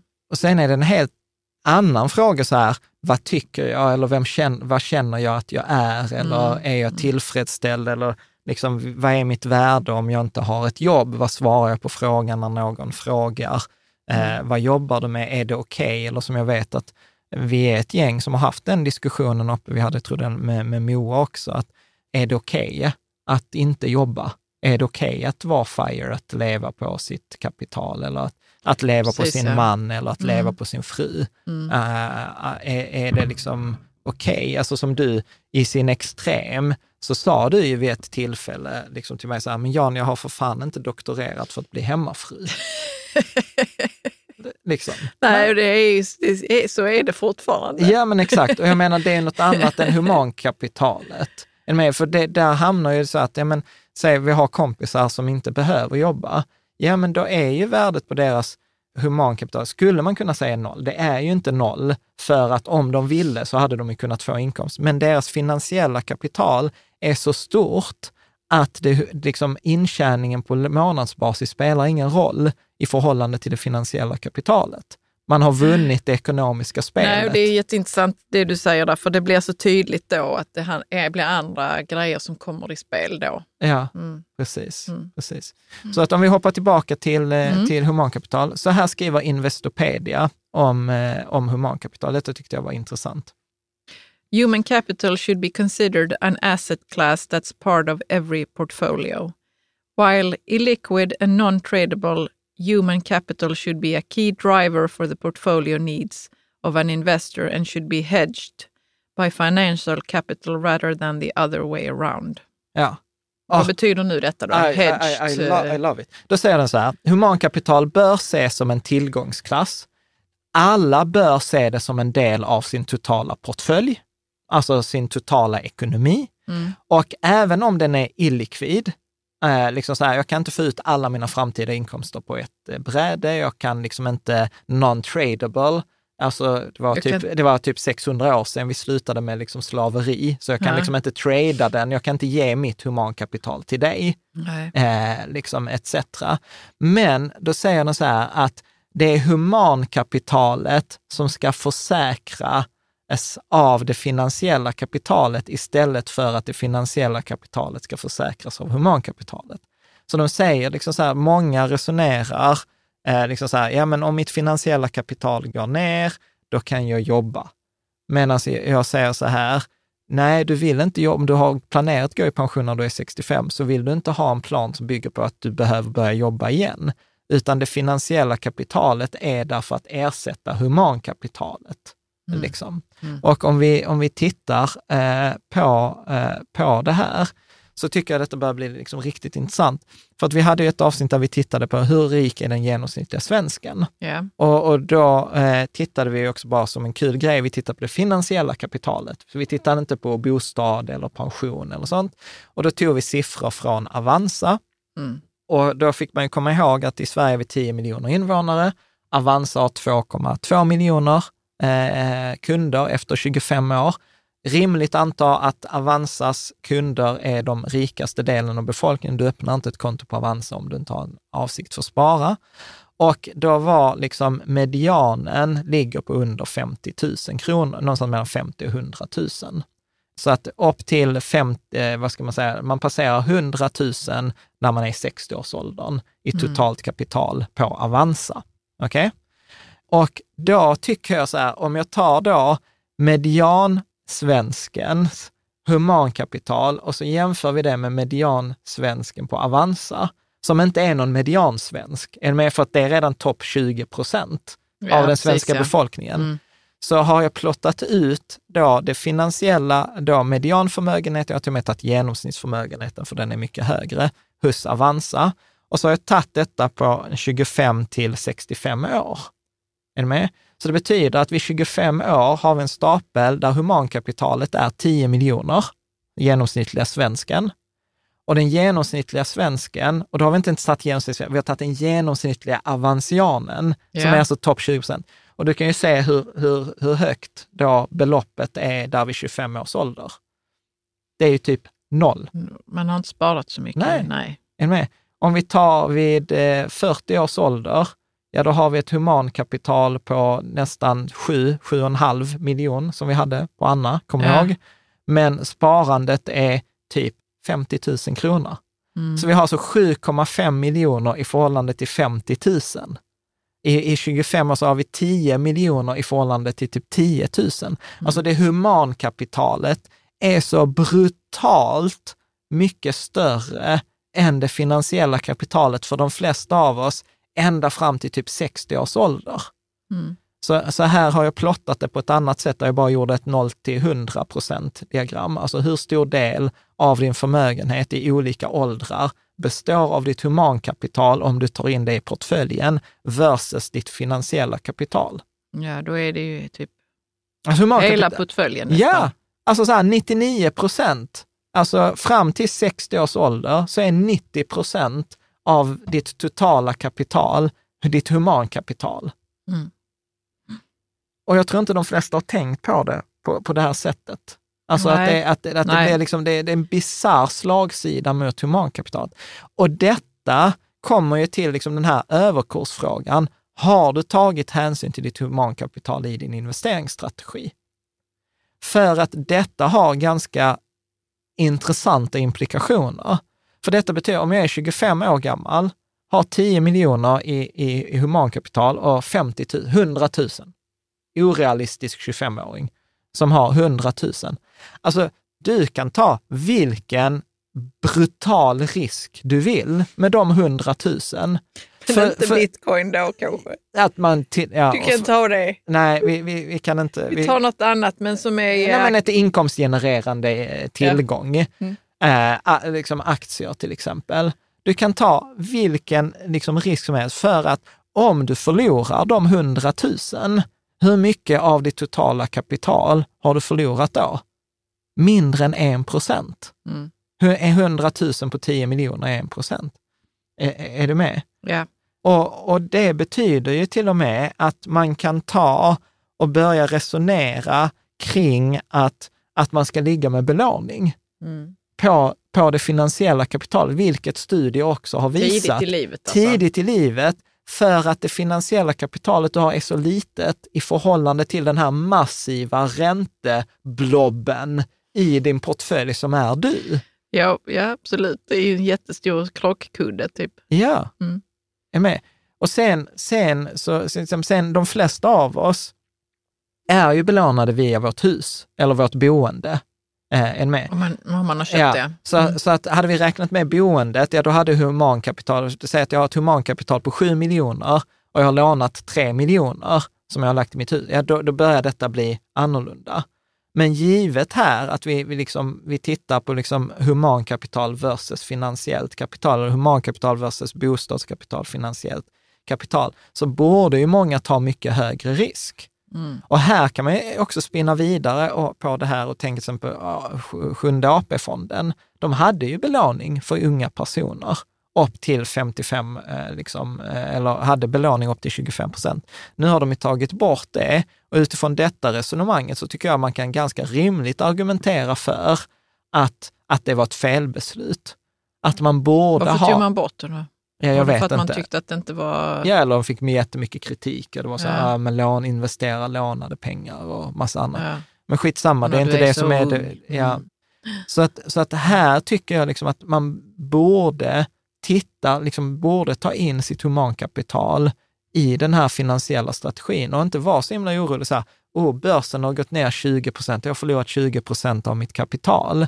Ja, fast du har inte förlorat 20 procent av ditt humankapital. Nej. Än med att titta, titta Men på... du, de- jag tänkte på en sak. Alltså,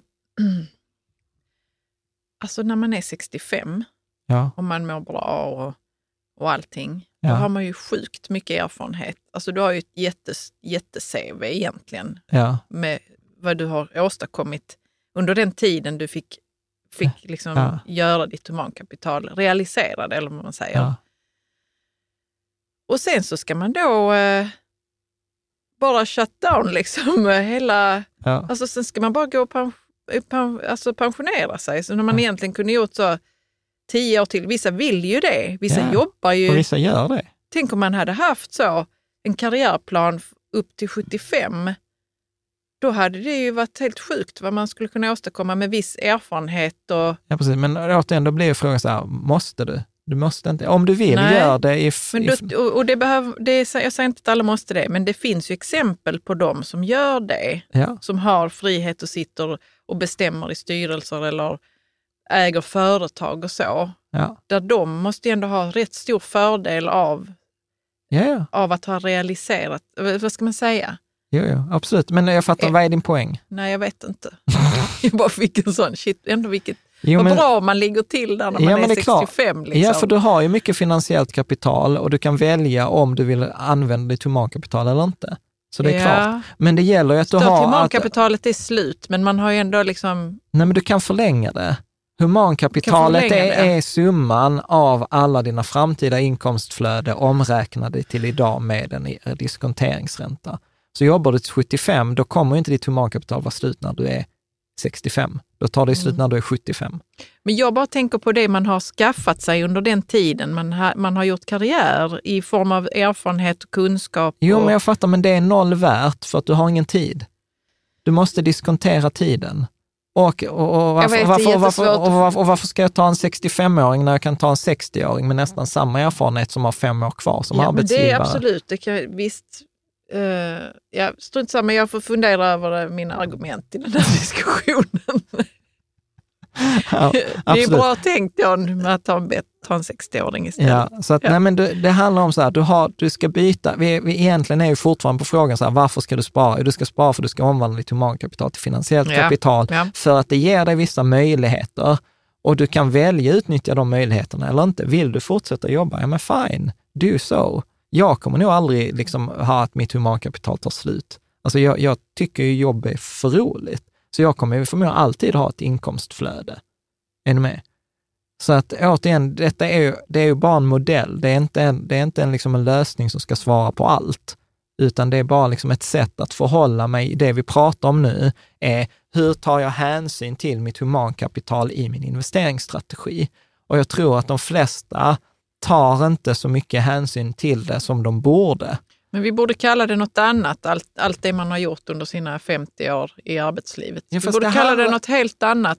För att det är Ja, nog är ändå många som håller med mig när jag säger att det, det, tar, det skiter vi i. Liksom. Ja, för att du har ingen tid. Tiden tar bort allt.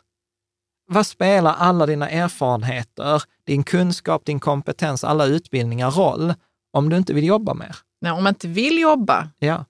Om men om man får, måste det och, och, Ja, om du inte får något jobb. Vad spelar alla dina erfarenheter för roll då? Ja, men det är någonting som gnager mig här. Vi behöver inte prata mer om det nu. Men det är någonting med tanke på vad vi pratade om i början, att det, den första personen som inte kommer dö av naturliga orsaker är född. Ja. Så bara spelar det här i bakhuvudet på mig. Okej, okay. ja, du, får, du får återkomma i ett jag annat får återkomma avsnitt. om jag tänker ut något smart. Annars Ja. så, mm. Så, så i alla fall, så tanken är här i alla fall att ta hänsyn till sitt humankapital i investeringsstrategin. Och han Paolo Sodini, han säger det väldigt tydligt, att inte ta hänsyn till humankapitalet när man gör sin investeringsstrategi, det är ett gravt misstag. Mm. Liksom. Eh, Och jag kan vara först erkänna att jag har inte tagit hänsyn till, till det här särskilt mycket och tänkt så här, oh, nu går börsen ner, men jag har ett stort humankapital på 14 miljoner i förhållande till 14 miljoner så är denna nedgången på 50 000 Ja. skitsamma. Det är inte det som är min första tanke. Och sen kan man då börja då titta på olika saker. Så om jag då börjar ta hänsyn till humankapitalet, då kan man ju komma till sådana intressanta slutsatser. Så här, jag borde inte kombinera mitt finansiella humankapital i samma korg. Det vill säga så här, jag borde inte investera i samma företag som jag jobbar i. Nej. För att om det går dåligt för företaget jag jobbar i så kommer jag förmodligen bli arbetslös och mina aktier kommer bli mindre värda, Mm. till exempel. Så att då, då blir det liksom en lösning för dem är ju till exempel att diversifiera sitt andra sparande i någon bransch till exempel, eller liksom något annat som är okorrelerat. Eller vår globala indexfond som är svaret liksom på allt. Men eh, där. Så att, eh, och samma sak, tar man hänsyn till, som om jag har ojämna inkomster, om jag till exempel har provision eller bonus eller optioner eller etc. Ja, men då tar jag ju mycket risk i mitt humankapital. Med, och då började jag kanske ta lite mindre risk i mitt finansiella kapital. Mm. Motsatt, om jag inte har någon bonus, jag har ingen provision, utan jag jobbar statligt och jag kommer aldrig kunna förhandla min lön bortom kollektivavtalet, eh, men jag kommer typ aldrig få sparken, ja då har jag en supersäkert humankapital. Ja, men då kanske jag kan ta mer risk. Att då behöver jag kanske inte räntefonder eller buffert på samma nivå, utan då kan jag ta mer eh, risk i det här. Och, och liksom verkligen ta till sig detta som till exempel Sjunde AP-fonden eller AP7 SOFA då, där premiepensionsalternativet, de kör ju full karriär, alltså full risk fram till 55 års ålder. Eh, och sen börjar de trappa ner med 3% räntefonder. Så att ung i detta fallet, hur länge ska man ha belåning eller hur länge ska man ta hög risk? Ja, fram till 55 års ålder är Ja. ganska rimligt i alla fall, utan att du behöver oroa dig. Och detta är, härifrån kommer ju också de här, till exempel i den här Yale-studien 2008, som sa för en ung människa med ett högt humankapital, det, det smarta med det finansiella kapitalet var så att för varje krona i finansiellt kapital, låna en krona och investera de två kronorna. Och om det är så att ditt finansiella kapital exploderar, alltså att du förlorar 100 procent, ja då bara börjar du om dagen efter med exakt samma strategi. Mm. Alltså de här grejerna, att ta den här höga risken i sitt, i sitt sparande är möjligt tack vare det höga humankapitalet. Precis på samma sätt som jag får ett stort lån som jag får för att banken har både säkerhet i, i objektet, men även i mig som, eh, som humankapital, Mm. eh, tänker jag. Ja. Bra. Jag tänker att detta blir liksom eh, tillfälle att komma tillbaka. Vi har ju redan typ tre, fyra diskussioner i forumet om, eh, om humankapital. Men jag tänker, jag, jag är ju så här supernyfiken att, eh, att lyssna av ni som, eh, ni som lyssnar eller som tittar eh, på det här. Vad ni Ja. tänker, ja. Ja, Mm. och sen tänker jag också så här att Alltså en sak att ta med sig från detta är så här, grattis, du har förmodligen ett högre humankapital, du har en stor tillgång som du förmodligen inte har tagit hänsyn till. Så liksom så här, grattis, grattis till dig, fira, gå in och räkna, gör den här enkla räkningen så här, okej, summan av min lön, månadslön efter skatt gånger 12 gånger antalet år till pension. Ja, men det är ditt humankapital, en enkel beräkning. Vill du räkna med diskonteringsräntan så är det klurigare, då finns det eh, mallen i forumet eller om du gillar Excel så är det formeln net nu, netto-nuvärde, eh, liksom, eller net NPV. Bra. Så att ja, man kan förmodligen ta mer risk eh, än vad man gör. Man kan förmodligen eh, luta sig tillbaka och känna så att den här börsnedgången vi har nu här under våren 2022 är egentligen inte så himla farlig. Och eftersom vi ändå inte kan kontrollera marknaden, mm. ja, låt oss, låt oss lägga fokus på det vi kan påverka. Och jag påstår att humankapitalet är absolut något som man kan påverka och utöka eh, mm. och liksom räkna med. Ja, det känns ju väldigt positivt ja. med humankapital. Ja, bra. Vad, vad, vad, vad tänker du? Uh, jag tänker inte någonting speciellt. Det är oftast så att det måste röra runt i mitt huvud ett tag innan jag kan ja. liksom, komma ut med någonting. Ja. Vad tänker du själv? Jo, nej, men det är de här, de här grejerna.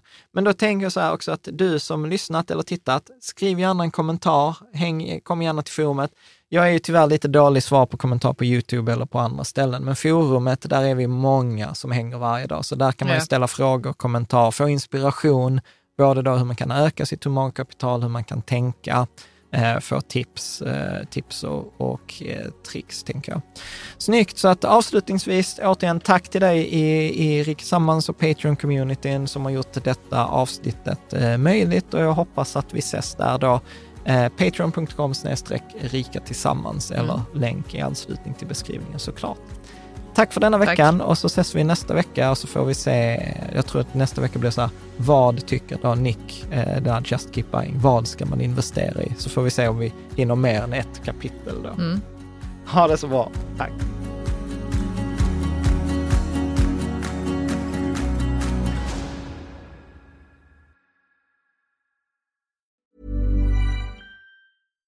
Hi, I'm Daniel, founder of Pretty Litter. Cats and cat owners deserve better than any old-fashioned litter. That's why I teamed up with scientists and veterinarians to create Pretty Litter. Its innovative crystal formula has superior odor control and weighs up to 80% less than clay litter. Pretty Litter even monitors health by changing colors to help detect early signs of potential illness. It's the world's smartest kitty litter. Go to prettylitter.com and use code ACAST for 20% off your first order and a free cat toy. Terms and conditions apply. See site for details. Ever catch yourself eating the same flavorless dinner three days in a row? Dreaming of something better? Well, HelloFresh is your guilt-free dream come true, baby. It's me, Gigi Palmer. Let's wake up those taste buds with hot, juicy pecan-crusted chicken or garlic butter shrimp scampi. Mm. Hello Fresh. Stop dreaming of all the delicious possibilities and dig in at HelloFresh.com. Let's get this dinner party started.